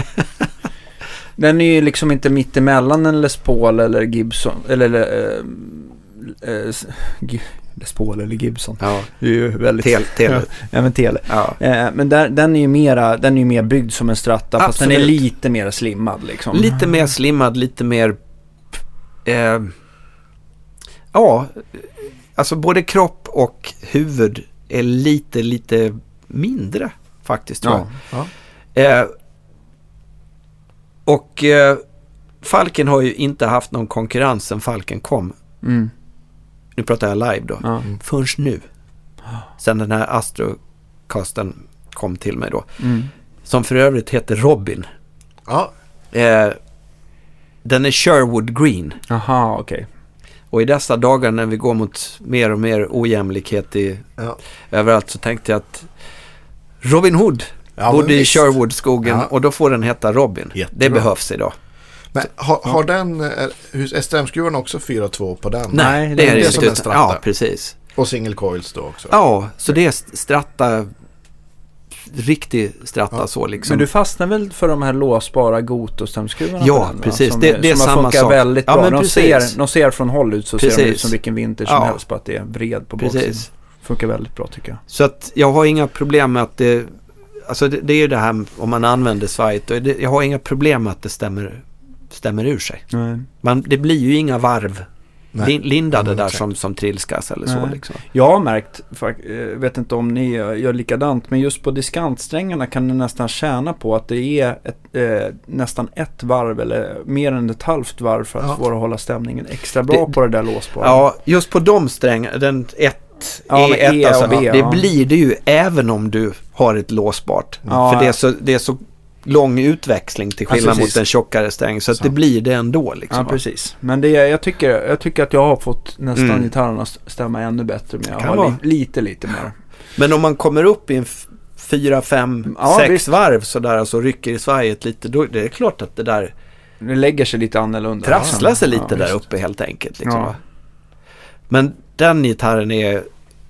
Oj vad jag spelar mycket på den nu. Är väldigt, det, väldigt mycket. Är det matching mycket. headstock också eller? Det var det först. Ja. Men det tyckte jag, där var jag lite fåfäng. Det, jag, han fick göra om det faktiskt. Ja. Matching headstock är ju faktiskt väldigt, alltså det vill säga att det är samma kulör på huvudets framsida som precis. det är på kroppen. Ja, tycker jag kan vara väldigt snyggt. Men det är nästan bara snyggt på, på Rose och halsar har jag kommit fram mm, till. Mm, mm. Som det i och för sig du har. Det, det är det, det på den här också. Ja, det är. Men, men lönn, då, då, kan jag inte övertalas whatsoever. Men jag ser till exempel där nu är det fåfänga igen, absolut. Men jag ser en affisch här rakt framför mig på Jeff Beck och ingen annan jämförelse eller sådär. Eh, men matching headstock där? Nej. Jimmy då han förde matching headstock? Nej. Nej. Nej, alltså det, det är fåfänga och gamla Nej, idéer jag har. Men matching headstock, det kändes mer som om man vore pop så vore det balt kanske sådär. Men jag tänker också matching headstock, det var ju någonting som nu, nu kommer jag säkert bli rättad av många, men ja, det var väl mycket mer vanligare på baserna och typ jazzmasters och Jaguar. Ja, det, det är ju där, där det, och det är ja. kanske därför jag tänker att det här är mera i popvärlden. Mm. mm. Vad fan spelar det för roll egentligen? Men det, det är ju fåfänga som sagt. Ja. Men, men eh, så den var Sherwood Green. Mm. Robin Hood grön från början den också, men det, det, det, är den inte nu. Men det är också en sån där, för mig, den halsen som är på den. Mm. Den är en sån dröm. Så det är... Ja, det, det har aldrig varit så roligt att lira stratta som nu när jag inte... Det är ju ingen Stratocaster liksom, vi kallar den utan han kallar den Astrocaster. Liksom. Men, mm. Vad är det för stall på den då? Är det? Wilkinson? Ja, precis. Mm. Ja. Ja, de är och, och, ja, men absolut. Och Wilkinson ihop med låsbar stämskruv. Alltså. Ja. Det, är, fan, jag har, det har jag haft ända sedan Falken. Ja. Och det var ju Johan som föreslog det också. Det är därför jag inte lägger mig så mycket i vad han föreslår. Sådär. Ja. Det är i alla fall värt att testa och prova liksom. Jag tycker det. Det, det, som, det som du har gjort på din Falk, det är väl att du uppdaterar det till lite senare, det som har lite mera... Eh, det är bara plattorna. Jaha, äh, pl det är bara plattorna. Ja, de samma. byttes. Ja. För det tyckte Johan att det är lite mer topp i de, de nyare då. Ja, alltså. precis. De är ju mer som, som bockade de, de gamla Fender. Precis, de här sablar. öppna. Ja, Tidigare var det rätt tunga block som låg mm, där. Så ja, att precis. Säga, och sen... Ja. Eh, sen något lite roligt ska jag bara säga med, med, med Robin där. Nu säger jag bara Robin och alla, ja, men det, man vet jag vad det är. folk ja, hänger med. Ja. Ja. Eh, apropå mickar där och strattmickar. Ja. Så hittade jag ju, jag har wobblat runt där lite grann. Då, ja, vi har ju bytt ja, en del. Ja, en, en hel del ja. faktiskt då. Allt från Rolf eh, till Eric Johnson. Fender, ja, precis. Fender och, och, och, olika så. Men jag hittade ett set gamla T-Bear. Ah. Eh, jag tror de heter SRV, alltså lite hottade. Ja, grejen är att eh, jag minns eftersom jag lade i dem att det är, är, väl den som heter som är lite hottare i stallet medan ja, det vanliga 62 ja, är hals och mitt. Ja. S, kan den heta SVL den i stallet? Eller S, ja. Nej men det är den som är lite ja. pålindad i alla fall. Den ser ut som en Stratamix och ingen humbucker eller någonting. Nej. Och där hittade jag hem. Ja. For now. Ja. Men där känner jag mig väldigt sådär. Att Var det inte så att du, du lyssnade på någon gammal inspelning? Jo, jag hittade en gammal Lemark-platta som, eller gammal, den är inte så jättegammal. Tio år eller något kanske. Men den lät bra just då? Ja, där hörde jag, där jag haft de mickarna på en annan stratt. Alltså som, eh, det lät väldigt bra tyckte jag. Och då hittade jag dem. Mm. Och då provade jag det. Jo, oh, mycket riktigt. Det här är stratt, stratt. Ja. Och ändå stort och biffigt. Inte, de här Rolf var fantastiska men lite små. Ja, Jim Rolf är ju väldigt som man vill ha otroligt vintage korrekta. Ja, visst. Ja, ja, visst. Det ja. låter jättefint. Ja. Men de blir lite snällare och, ja, och mer skopade sådär. Eller skopade. Men de är ja. liksom, det blir inte, det blir det som du får den här att du har ju ett mellanregister som kliver på Ja, men precis. Bättre. Men sen så uh, måste jag fråga, jag lade ju på en sån här uh, nu senast en, uh, en metallplatta under. Ja, vilken Hur hit. blev det? Vilken jättehit. Ja, för då får du lite mera... Ja. Nu, nu hör de här tre ihop. Det är, ja. det är inte eh, hals, mitt och sen är det någon där borta. Nej, Nej precis. Stallmick som, som ofta... Det sen dag ett, sen jag provade min första stratt så har ju just den där förbannade stallmicken varit ett aber. Tills faktiskt Ja, det finns ju nu, några, det nu finns ju några bra. tricks som man uh, nästan måste göra som ni kan få till hemläxa om ni har, äger en stratta. Det är att, att uh, om stallmicken inte har någon tonkontroll kopplad till sig, att den går liksom fritt därifrån, mm. att det är bara volymen som påverkar den. Då, då, även om tonkontrollen står på max på hals och mitt micken så tar det bort lite av den här äh, hifi-vassheten. Ja, det lastas mm, ner mm, lite. Mm. Ja, den, den, rundar av lite grann. Så även om putten står på max då, då, är det, då rund, rullar det av lite till skanten mm, mm, då. Och jag brukar brygga över då på mellan två terminaler på switchen så att den här eh, tonkontrollen längst ner att den går även för stall, ja, den ja, går det. även på stallet då. då. Ja, det, går ju, det, det går ju att göra som man vill. Men, ja, men eh, för jag känner eh, att gör man det så, så blir det mycket behagligare ja, visst sound. Ja. Men vad den här metallplattan gör som går att köpa, de, jag kan tänka mig att de ligger väl på en, en 200 spänn och man hittar från diverse det var, olika tillverkare. Jag ihåg första gången jag tror faktiskt det var Björn Juhl som laddade dit en sån på min gitarr. Det var Lindy Fraylin som gjorde dem. Ja, Sen ja. finns det säkert en massa andra som gör. Ja, Klein gör. Jag tror att du fick en Klein till exempel. Okay. Men det det det jag tror det är Lundgren har ju det på. Ja, på sina BF-mickar. precis.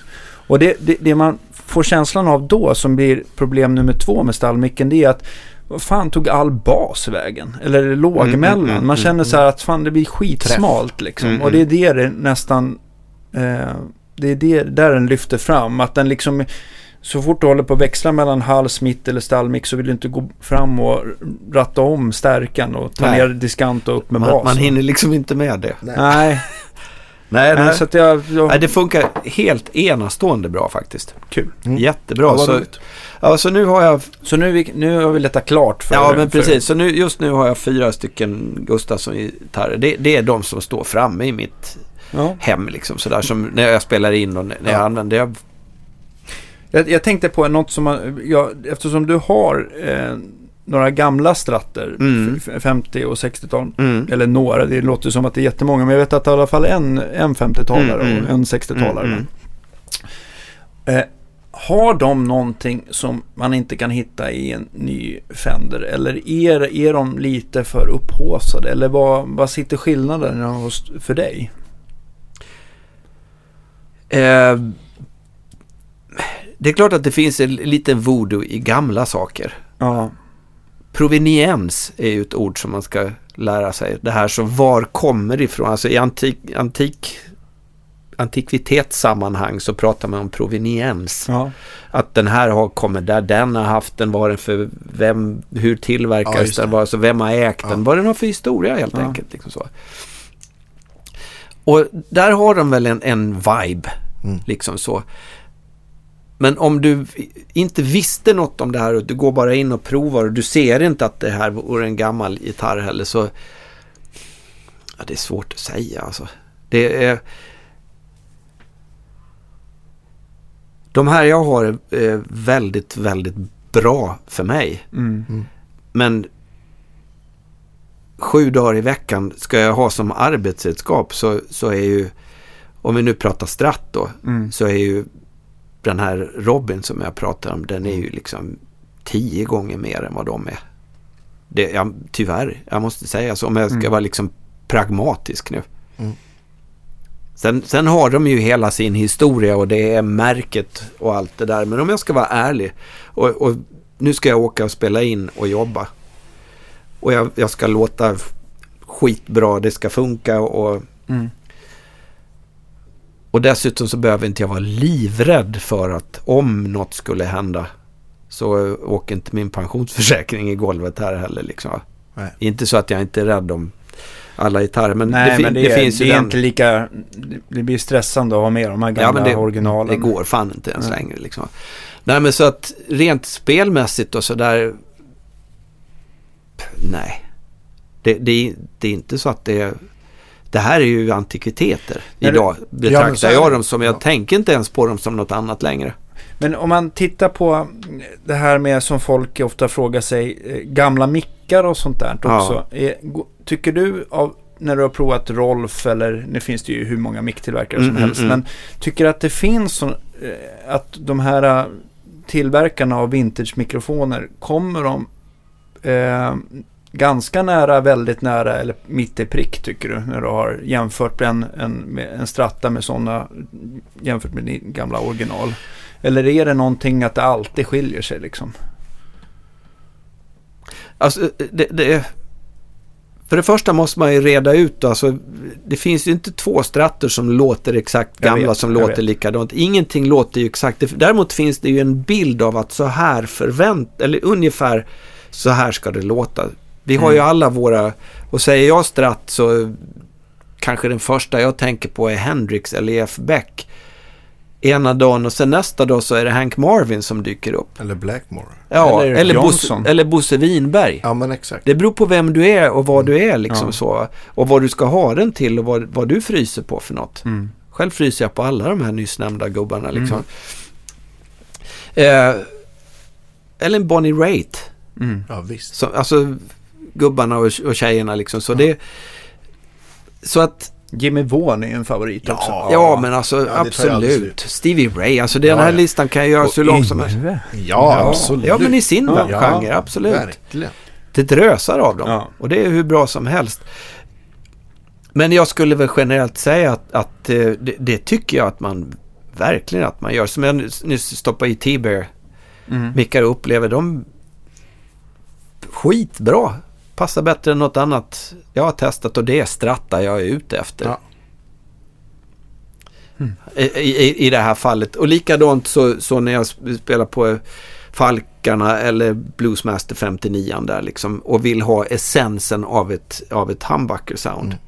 Throwback som nu använder Gibsons gamla maskiner, linningsmaskiner. Ja, liksom, gå in på hans, vi har pratat om det förut, ja. att man ska gå in och kolla lite på... Här är det nördigt. Ja, det är nördigt. Underbart. Ja. Men, men, och efter att ha provat så kopiöst många paffar som jag har gjort de senaste åren nu i Scorpions sammanhang så mm. där inte två stycken är likadana. överhuvudtaget. Så det blir nog samma sak det än att samla liksom essensen av vad en mm. puff kan vara. Eh, låg output. Ja. Och, eh, och som vi på något vis sammanfattar att det ska vara mer vara telehållet. Alltså i, i, i tydlighet då ja. än, än något annat. Så, att diskanten finns kvar ja, precis. Ja, precis. Så att det är jämnt, mm. jämnt och fint så liksom. Så att de throwbacks som jag har provat där jättebra och det är ju inte det enda företaget som, som bygger jättebra. Jag vet på Falken innan jag satte på så hade jag T-Bears Woodpath. Det är ju också jättebra. Liksom. Du körde Wolftone ett tag va? Nej. Nej, du aldrig Nej det gjorde jag faktiskt aldrig. Tror jag inte. Nej men du hade Rolf, Rolf hade vi. provade jag. Ja. Som också var jättebra och lät verkligen tele. Kommer du ihåg att du höll på att mixtra med att ta av och på kåporna på mm. dem också sådär. Mm. Och du fastnade väl nästan utan kåpor? Ja nu har jag kåpor på igen. Ja men jag tänkte just på dem där. För ja, där, men där var men det, det väl av mikro, det var mikrofoniproblem? Ja absolut. Problem, Rolf kunde jag helt enkelt inte ha för att det var sådana otroliga mikrofon, mikrofoniproblem med den. Ja. Och det, det är ju också en vintage-sak. Mm. Att mikrofoni är om du har hittat en gammal paffmick. Alltså, och vad gör du då? Ska du kasta ner den i ett vaxbad? Du vet vad den är värd va? Ja, exakt. Gör inte fel nu. Nej. Nej, men jag tycker, sådär, så jag tycker att har man otur så försvinner ju soundet också. Folk får ja. säga vad de vill med, med att uh, vaxningen inte påverkar, men det gör det. Alltså. Absolut. Det gör det. Och, men ska du vara pragmatisk och stå på en scen så, och som frilansare säga, jag står bredvid eh, Skifs eller Scorpions eller vad fan det nu kan vara. Jag kan ju inte stå där och säga att jag har mikrofoniproblem. Det kommer liksom. tjuta ibland. Men det ja, men precis. Bättre. Men det är som med de här mickarna. Det är bara så ni vet. Så jag ja. tjuter lite då och då. Ja. Så, det, det, ja, det skiter väl ja. Man måste ju vara pragmatisk. Mm. Sådana här saker som man accepterade för bara 20 år sedan, det gör man inte idag. Och jag tycker det är helt okej. Okay. Man måste liksom vara praktisk. Att stå på scen har förändrats väldigt mm. mycket. Mm. Det, det är en annan sak idag helt enkelt. Man, och det, till det bättre. Mm. Det absolut mesta är till det bättre tycker jag. Så att, och då, då är just vårat ansvar med, med våra... Att vi, vi, ska vara, vi ska inte brumma. Vi, vi ska vara tysta mellan låtarna. Vi ska kunna stämma tyst och vi ska kunna slå av och på en stämapparat utan att det, det poppar och, och, låter och knäpper ja. om oss. Vi ska, och hela den här, det ligger ett väldigt stort ansvar där idag. Annars kommer det en regissör eller något och knäpper det på näsan. Och jag, jag fattar det. Ja, visst. Mm. Absolut. Och, och, här kommer det också, om vi hoppar över dit lite då, så är det ju mm. också vi ska inte bara ha mikrofoni i våra gitarrer, eller in, ta, eliminera det. Utan hela pedalbordet ska ju ses över allt efter de, nu, den här tidens eh, krav. Mm. Behov höll jag på att säga, men jag menar krav. Och det gör oss gott. För mm. det finns fortfarande gitarrister som kommer med en ICA-kasse och vänder upp och ner på det och kopplar ihop med några lakritsremmar liksom mm. och hoppas att det ska funka den här mm. kvällen. Liksom. Absolut. Medans, man, ja precis. Alltså ett välbyggt pedalbord det är ju... Eh, det eh, finns ju många som gör det väldigt bra. Eh, jag tänker på Göran eh, på Sound of Silence och vad heter det, Backline-verket. jag gör själv lite mindre bord i mm, mån av mm. tid. Så där. Mm. Det är väldigt kul. Men det man, det man vill förmedla till gitarristerna det är att, liksom att det finns, eh, det finns att, eh, en ordentlig strömförsörjning som inte mm. krånglar, mm. Som, som inte alstrar brum både till pedalerna och i sig själv.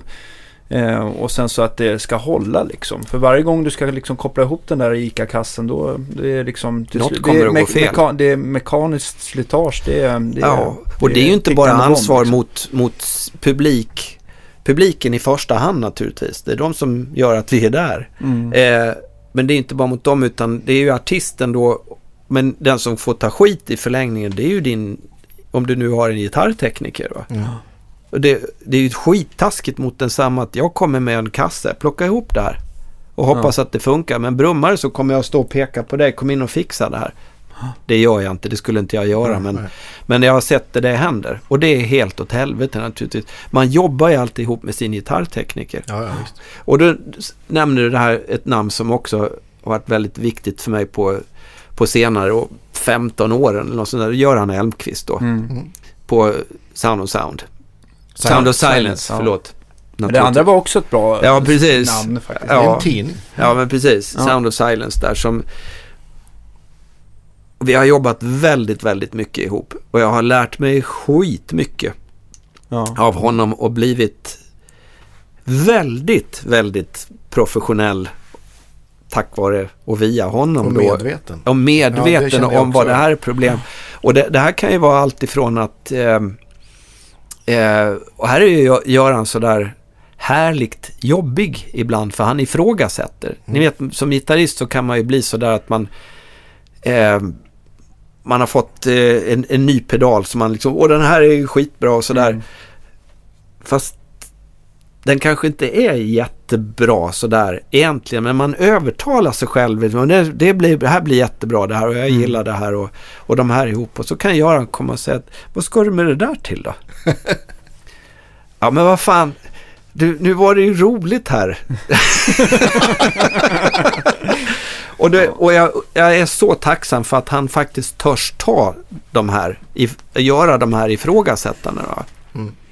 Och eh, det är inte så att han gör det för att jävlas utan han vill ju faktiskt alltid, precis som en doktor, hjälpa till. Ja, och då säger han att om du har den där pedalen där, det här hände nu senast här när jag mm. provade en, en kompressor som jag bara tyckte var wow, halleluja.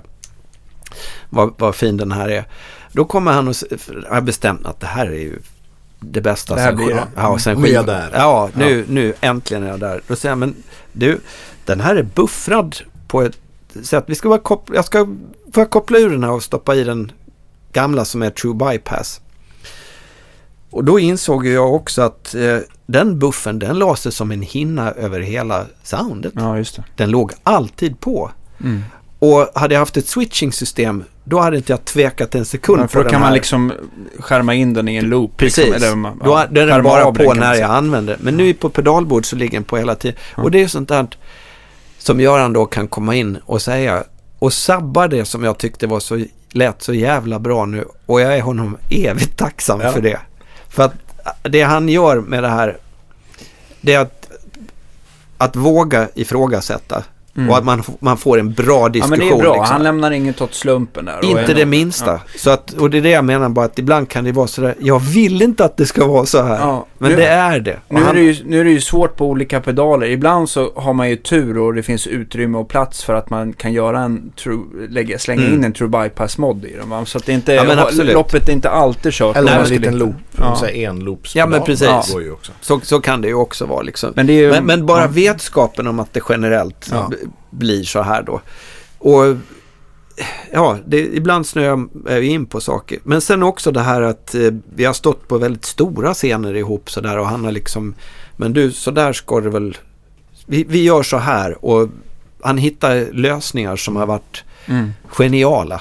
Ja. Och, och jag vet när gigget väl börjar sen, jag backar ett steg där. Det jag alltid har varit nervös för, nervösast för egentligen, mm det är inte kanske liret lika mycket som att pedalbordet håller det idag. Ja, men visst. Och vad är det, alltså tekniken, de här kablarna, fan, borde jag ha bytt dem innan det här? Jag kan ge ett exempel när jag eh, fick den äran att vara gästartist på Allsång på Skansen. När mm. Lasse Berghagen bjöd in mig dit. 15 år sedan eller något, nu tror jag det var. Kanske.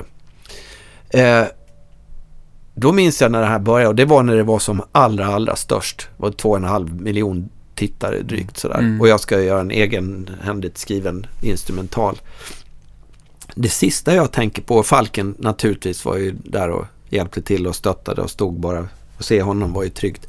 Men ändå precis när det liksom började dra ihop sig så, här, så tänker jag fun- måtte nu funka ditt pedalbordshelvete. Det här är alltså innan Göran liksom. Ja.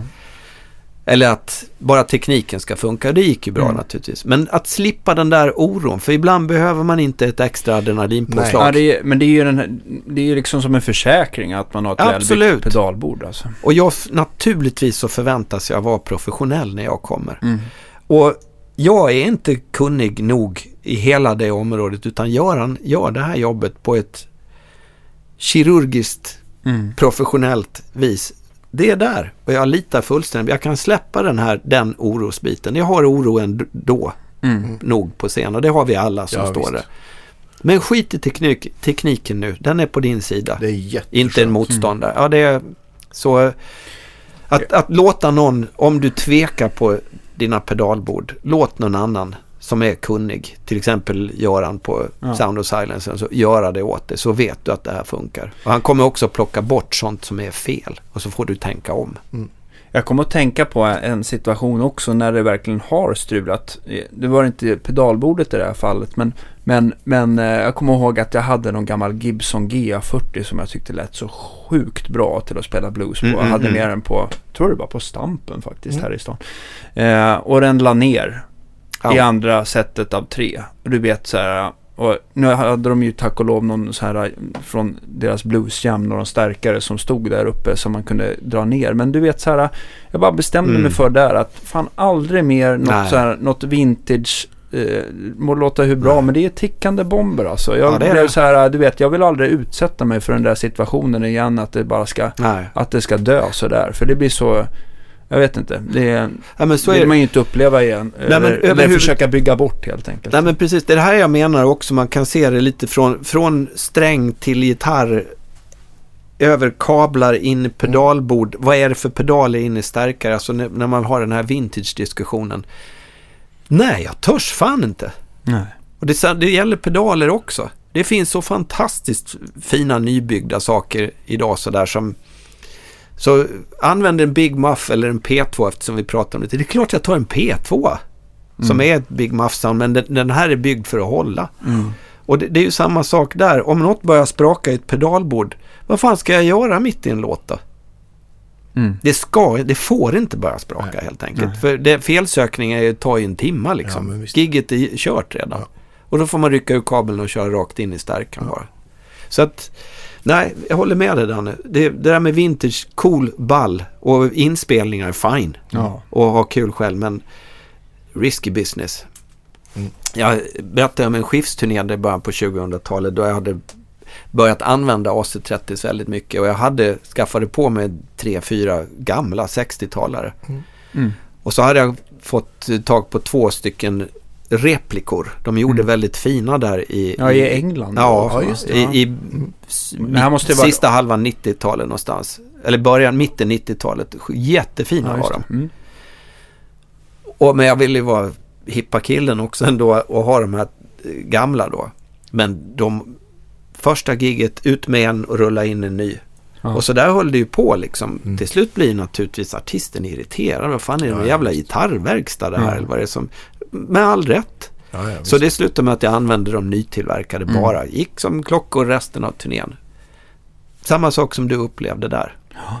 Men jag kan, jag, alltså jag, jag kan, ni kan säkert känna igen det, det som jag vill säga också. Det är att när man står så här på scen så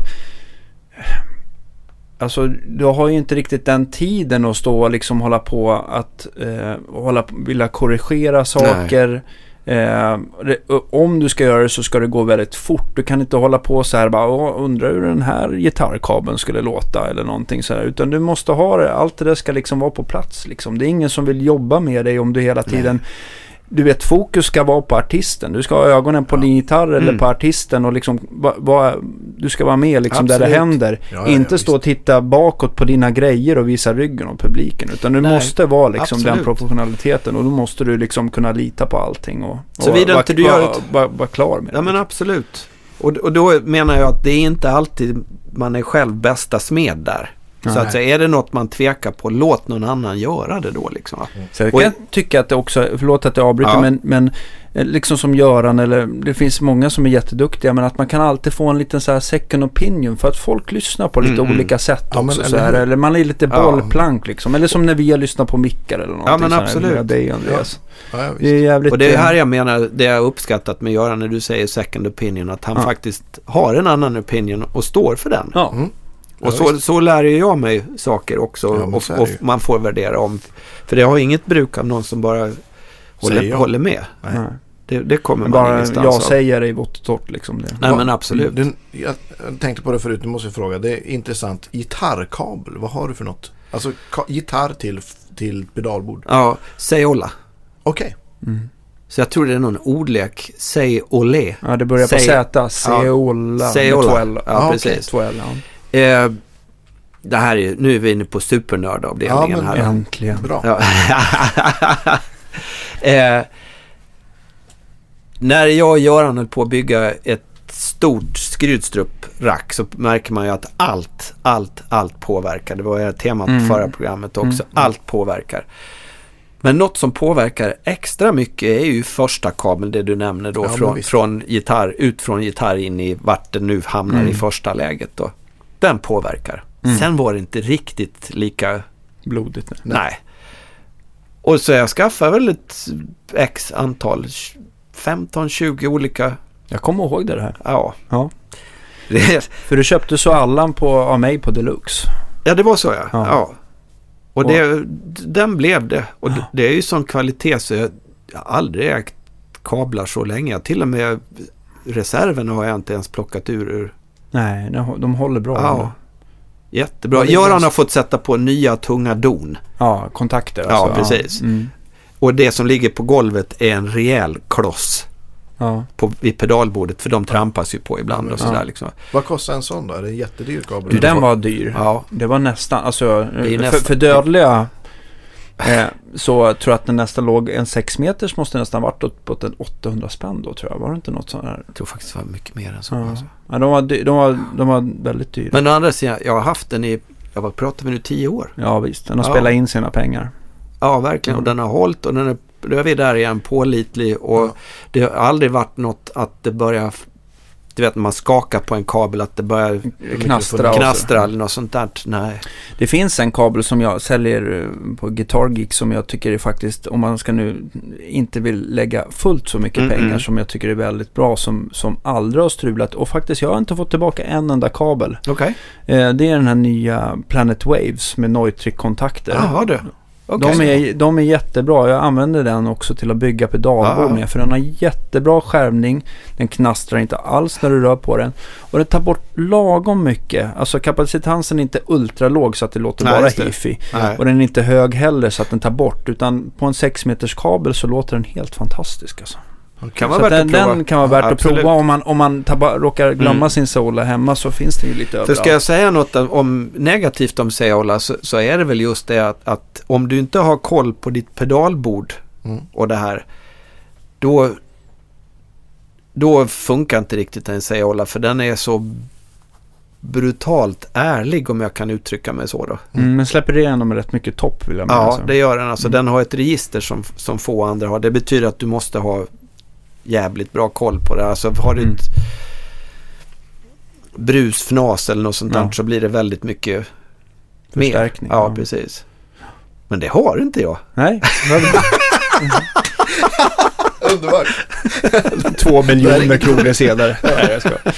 Nej, men det, Nej, det kostar att ligga på topp, det har vi ju märkt. Men, men jag tänkte på en annan sak som jag tycker är viktigt. Eh, I alla fall när man står på scen på sin gitarrkabel. Det är ju inte bara att den ska hålla, men att den ska vara rörlig. Jag blir vansinnig ja, om ja, kablarna krullar sig mm, för mm, lätt mm, eller att de är liksom för stela, liksom, som inte är så speciellt följsamma. Nej, det här är ju ett, ja. ett, ett eh, litet uh, där. Den, den, är ju ganska stel. Mm. Men, men den funkar bra ändå. Ja, Sen okay. finns det ju de här som, som gamla strykjärn. Är den typ sådär? Nej, jag tror att den är lite... Ja, typ. Åt det ja, det är lite åt det ja, hållet. Det är, ja. det är en lavakabel vi... Lava. Vad det nu heter den här. Ja, här ser du att tippen har börjat lossna lite grann. Ja, det är slarvigt. Titta. Det, är, det byter lite. Är det jag som har slarvat då eller? Nej, nej, nej. De, de blir för slitna. Jag, ja. jag tycker att det...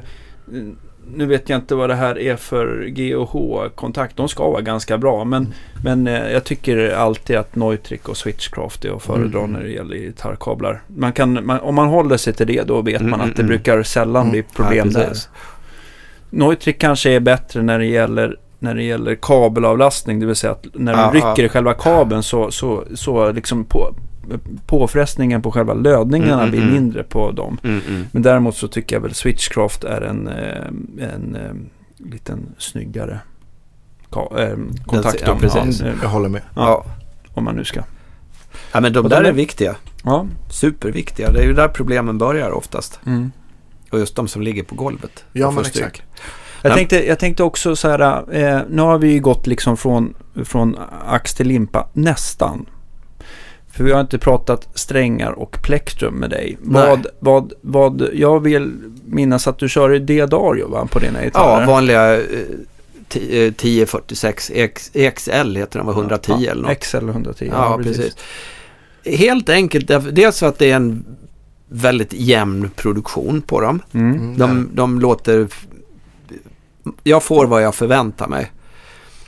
Och inte minst, jag kan vara var som helst i världen nästan och de finns mm. och få tag på. Och det mm. betyder väldigt, väldigt mycket. Ja. Att, att det här med tillgängligheten, det tycker jag är...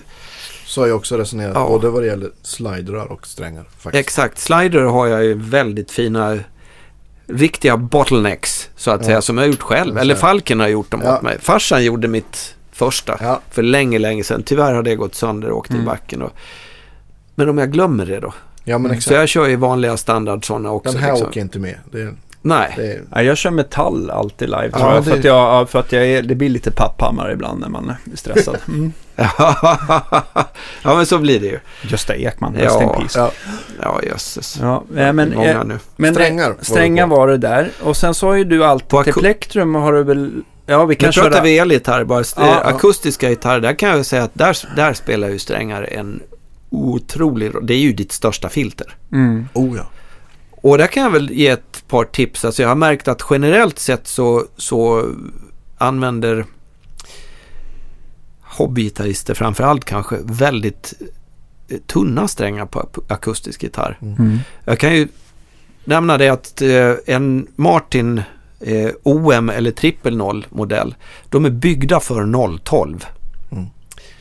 Medan en Dreadnought den är byggd, med betoning på byggd här nu, Eh, och anpassad eh, beribbning och allt sånt till, till ett 013 mm. set. I alla fall en sån vanlig Martin D28. Ja men alltså Dreadnought ja, överhuvudtaget, ja. det ska vara trippel noll. Och länge så hade jag 12 till exempel på mina Dreadnoughts då. Okej. Okay. Tills eh, Stanley Larsson, min gode vän på, han jobbade för Martin förut. Så att, borde prova, du. Mm. Så, eh, och döm om min förvåning det blev en helt ny gitarr. Mm. Och sen kan man tycka att 13, det kan inte, det kan vem som helst ha. Det där är bara en vanesak lite. Absolut. Mm. Och sen bända och sånt där, det gör man ju inte liksom på det viset ändå. Nej. Och tycker man det blir för tungt, där pratar jag med Hasse på Adlib om också, mm. så på din Dreadnought, du har 013, stäm ner ett helt tonsteg. Och sen sätter du ett capo på andra band istället så mm. har du din vanliga. Men du har 013 strängar för det är det som är soundet. Mm. Det är där du har det gamla klassiska soundet då liksom. Men det är ju lite grann så här som folk kom, kunder kommer in med sin Gretsch eh, halvakustiska mm, gitarr mm. eller eh, 175 eller någon sån här jazzburk. Mm, alltså mm. det känns skitmärkligt om de är stränga med 010. Alltså det ja, måste ja. vara minst 011. Ja, Annars så känns det helt fel tycker jag. Ja, absolut. Det, det, går inte att beskriva det nog liksom hur men jag tänkte på Acke-gitarrerna där. Mm. Är det Diadario där också? Nej, eller? det är Martin. Martin. Ja, mm. precis. Vilken variant? Ja. SP. Precis, SPL. Den gröna kanske? SPL. Nej, den gröna är Nej, då, det, den är röd till 12. Eh, röd till 12? Ja, SPL. Vad fan heter de mer då? Det är väl bara... Ja, de heter väl SPL. 12. Det finns ju SP Plus också, någon coatad variant ja, som inte... Jag kommer inte överens med sådana på Acke-gurar överhuvudtaget. Nej. Inte ens live faktiskt. För jag jag kan erkänna, jag gjorde en hel turné nu senast på Lira mycket Ackegura här i, i oktober.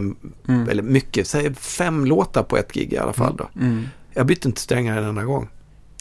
För jag tycker nämligen de låter lite bättre när de har fått gått ett tag. Mm. Och sköter man dem bara sen ja. och torkar av dem lite och putsar dem sådär så det är ett sound som jag gillar. Mm. Däremot har jag lite svårt för det här brilliga pianoaktiga och det kommer ju fram desto mer i sådana här eh, inbyggda mixsystem så är det också. Det, det blir väldigt förstärkt. Ja. Så att det kan bli...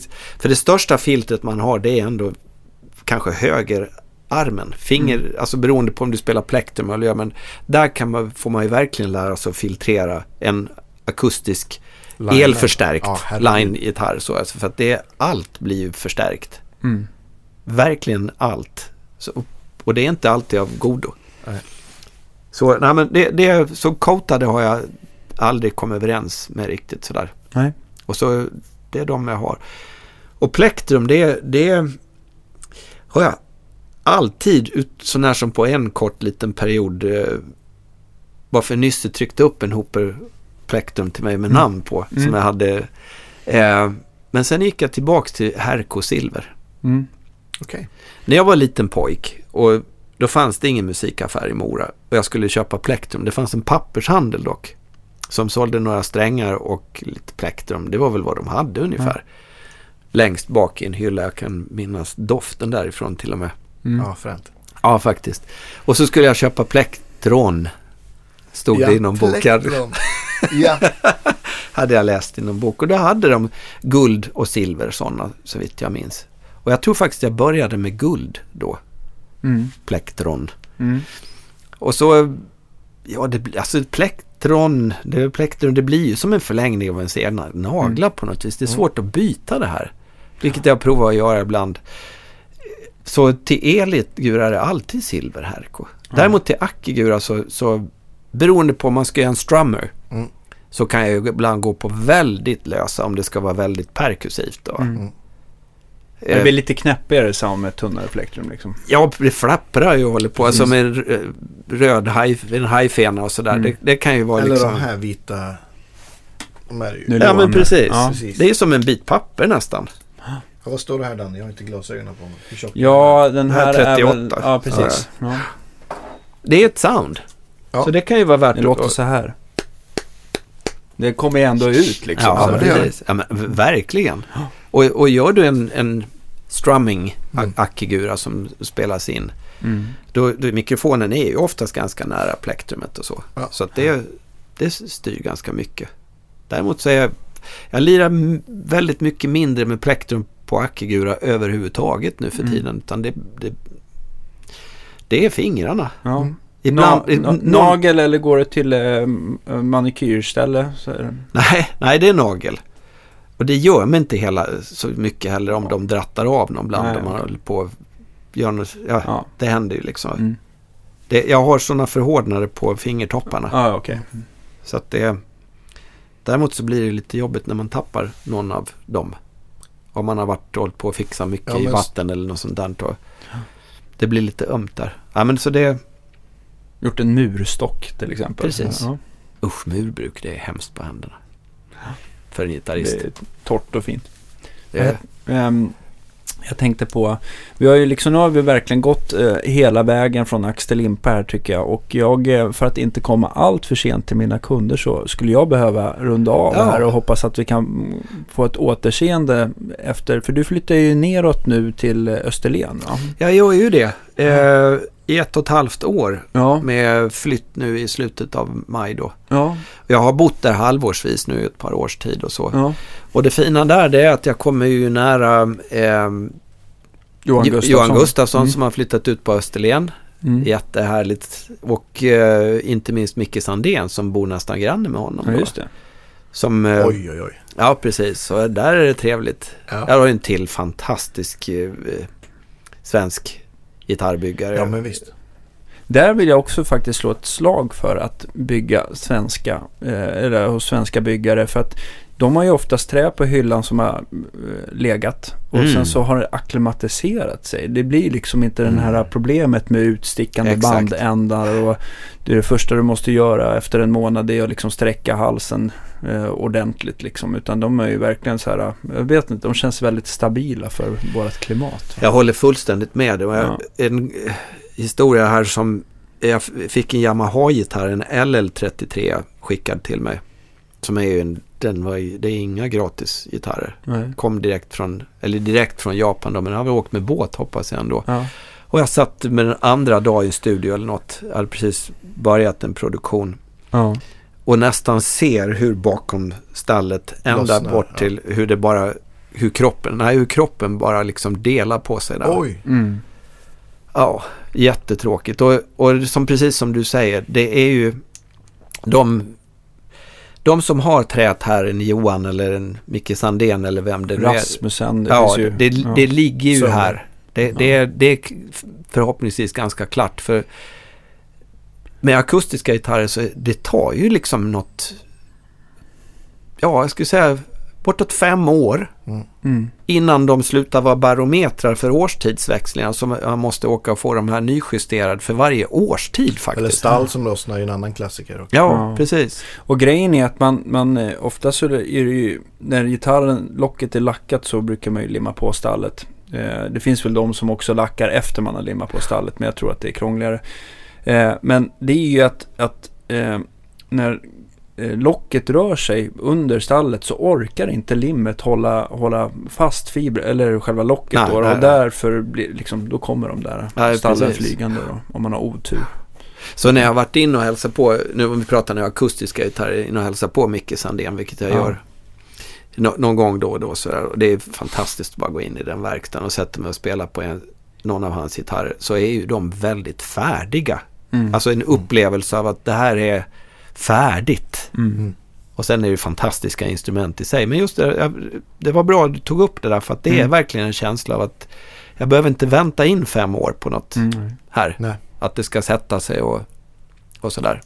Nej, det är, jag tycker det är verkligen en... Uh, aldrig haft något problem med vare sig mina TLL-gitarrer eller Hasse uh, eller vad jag än har byggt här. Det har verkligen varit Support your local ja. guitar builder. Ja, men. Och när ja. du säger det så, så, så, ska jag faktiskt vilja eh, avslutningsvis här, slå ett slag för det överhuvudtaget. Ja. Eh, stirra sig inte blind på gamla märken, brands, så, så att säga. Utan kolla upp vad det finns för något som, som bygger här. Vi har ju alla dessa fantastiska gitarrbyggare, förstärkarbyggare, eh, Pedal. pedalbyggare, mm. eh, pedalbordsbyggare. Ja, men visst. Mm. Eh, mikrofonbyggare. Mm.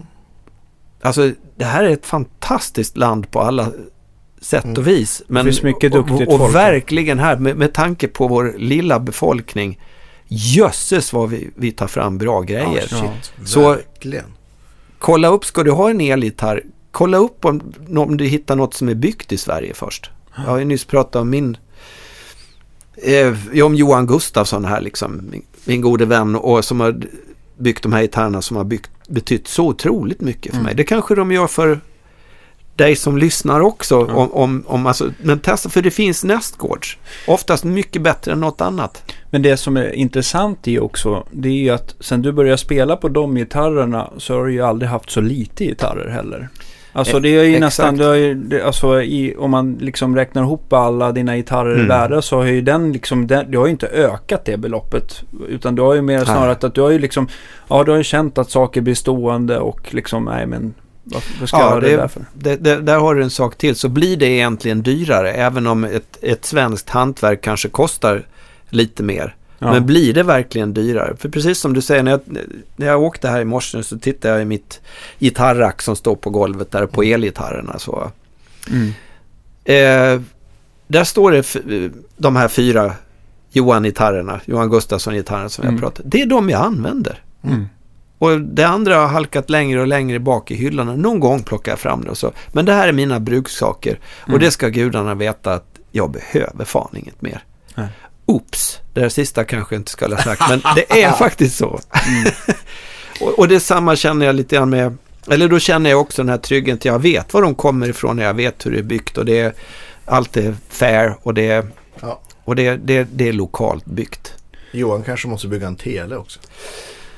Ja, han gör ju det också. Ja, absolut. Kommer inte ihåg vad den heter, den modellen. Den heter väl också någonting. Det är Bluesmaster. Nej, men den, de gör... Fuller, Fuller Blaster. Fuller Blaster, Fuller Blaster förlåt, det. heter det. Jo, men det... det, det um, det kommer. Det, det, det, är väl... Jag hoppas, min ja. dröm är en vacker dag att kunna sälja Johans gitarrer ja. här. Så att folk kan både komma och klämma och känna och givetvis investera. Ja, men precis. Men, alltså, ähm, ja. Sen tycker jag också att jag känner en viss, eller en väldigt, en viss, en enorm, det är annorlunda än viss, men en enorm tillfredsställelse i att jag vet vem som har byggt min stärkare.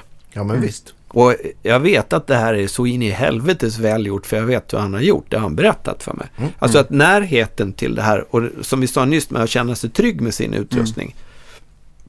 Jag vet hur det här har kommit till, var det har kommit till och vem som har gjort det. Jag kan ringa dem. Mm. Det kanske man inte gör stup i kvarten, ska inte göra, men jag menar inte så. Men, men alltså, jag vet vad det är för något. Och det, det, det, får mig att känna mig väldigt trygg och fin och kanske det är därför jag har färre saker nu och är, är så nöjd ändå. Ja. Och du, och du har väl lite bättre förstärkarsupport idag än vad du hade med till exempel Hiwatt? Ja men absolut. Mm. Där, där ute var jag, jag hade en tioårsperiod där jag var, eh, mellan Vox och där jag är nu, där jag har åkt ganska mycket. Och det ja, har varit en dyr resa. Ja. Verkligt dyr. Ja. Men, men eh, hela, hela varvet runt. Kom tillbaks det som var så, till en blandning mellan Bluesbreaker och Vox Open Back. Ja. Fast John har byggt det liksom. Och jag, jag vet inget bättre. Nej. Och jag är jättenöjd. Jag, Ja, ja jag är färdig där. Så ett, ett slag för svensk ja. Pro ja. E e produktion här. Kolla på den först innan man gör något annat. Och sen en sista sak också. Bara. Ja. Nu ska jag skicka en hälsning. Ja. Om, om de lyssnar så är det faktiskt till, till de som har varit hjälpt mig på scen genom alla år. Ja. Jag tänker på Falken och Jakob Jonsén. Anders Falken Mikkelsen och Jakob Jonsén på senare år då sen Falken slutade då i alla år. Gud vet vad jag vore utan er. Verkligen. Fint. Mycket Så, fint. Ja. Kul att ha det här igen. Grymt. Tack. Ja, vilken att vara här. Eh, skön inramning tycker jag på vart vi vill ha programmet. Ja. Nördfaktorn var i topp och eh, jag har aldrig mått bättre. Tack så hemskt mycket. Tack själva herrarna. Så hoppas jag att du ja. kommer tillbaka eh, till oss eh, för en... Eh, ja. Får vi se, kanske om just om ett och ett halvt år när du, om du har flyttat tillbaka till Stockholm mm. så kan man ju undra vart du befinner dig då. För vi kör ju på Andreas. Definitivt. Absolut. Varje torsdag. Glöm inte det. Så har ni också en öppen invitation att hälsa på mig nere på Österlen om ni Ja, men vi kanske ska ja. göra en liten tour helt enkelt. Och, ja, vad kul det vore. Ja, mm. det här oerhört vackra landskapet. Mm. Det finns ju mer än eh, väldigt många trevliga stockholmare, eller som bor här i alla fall, har vi ju märkt som vi gärna vill. Det är bara att eh, det, vi ska synka våra kalender och eh, ja. Det kommer. Ja, det kommer. Ha det bra hörni, vi ses om en ja. vecka. Så ja. hörs kanske. Tack ska ni ha. Hej då.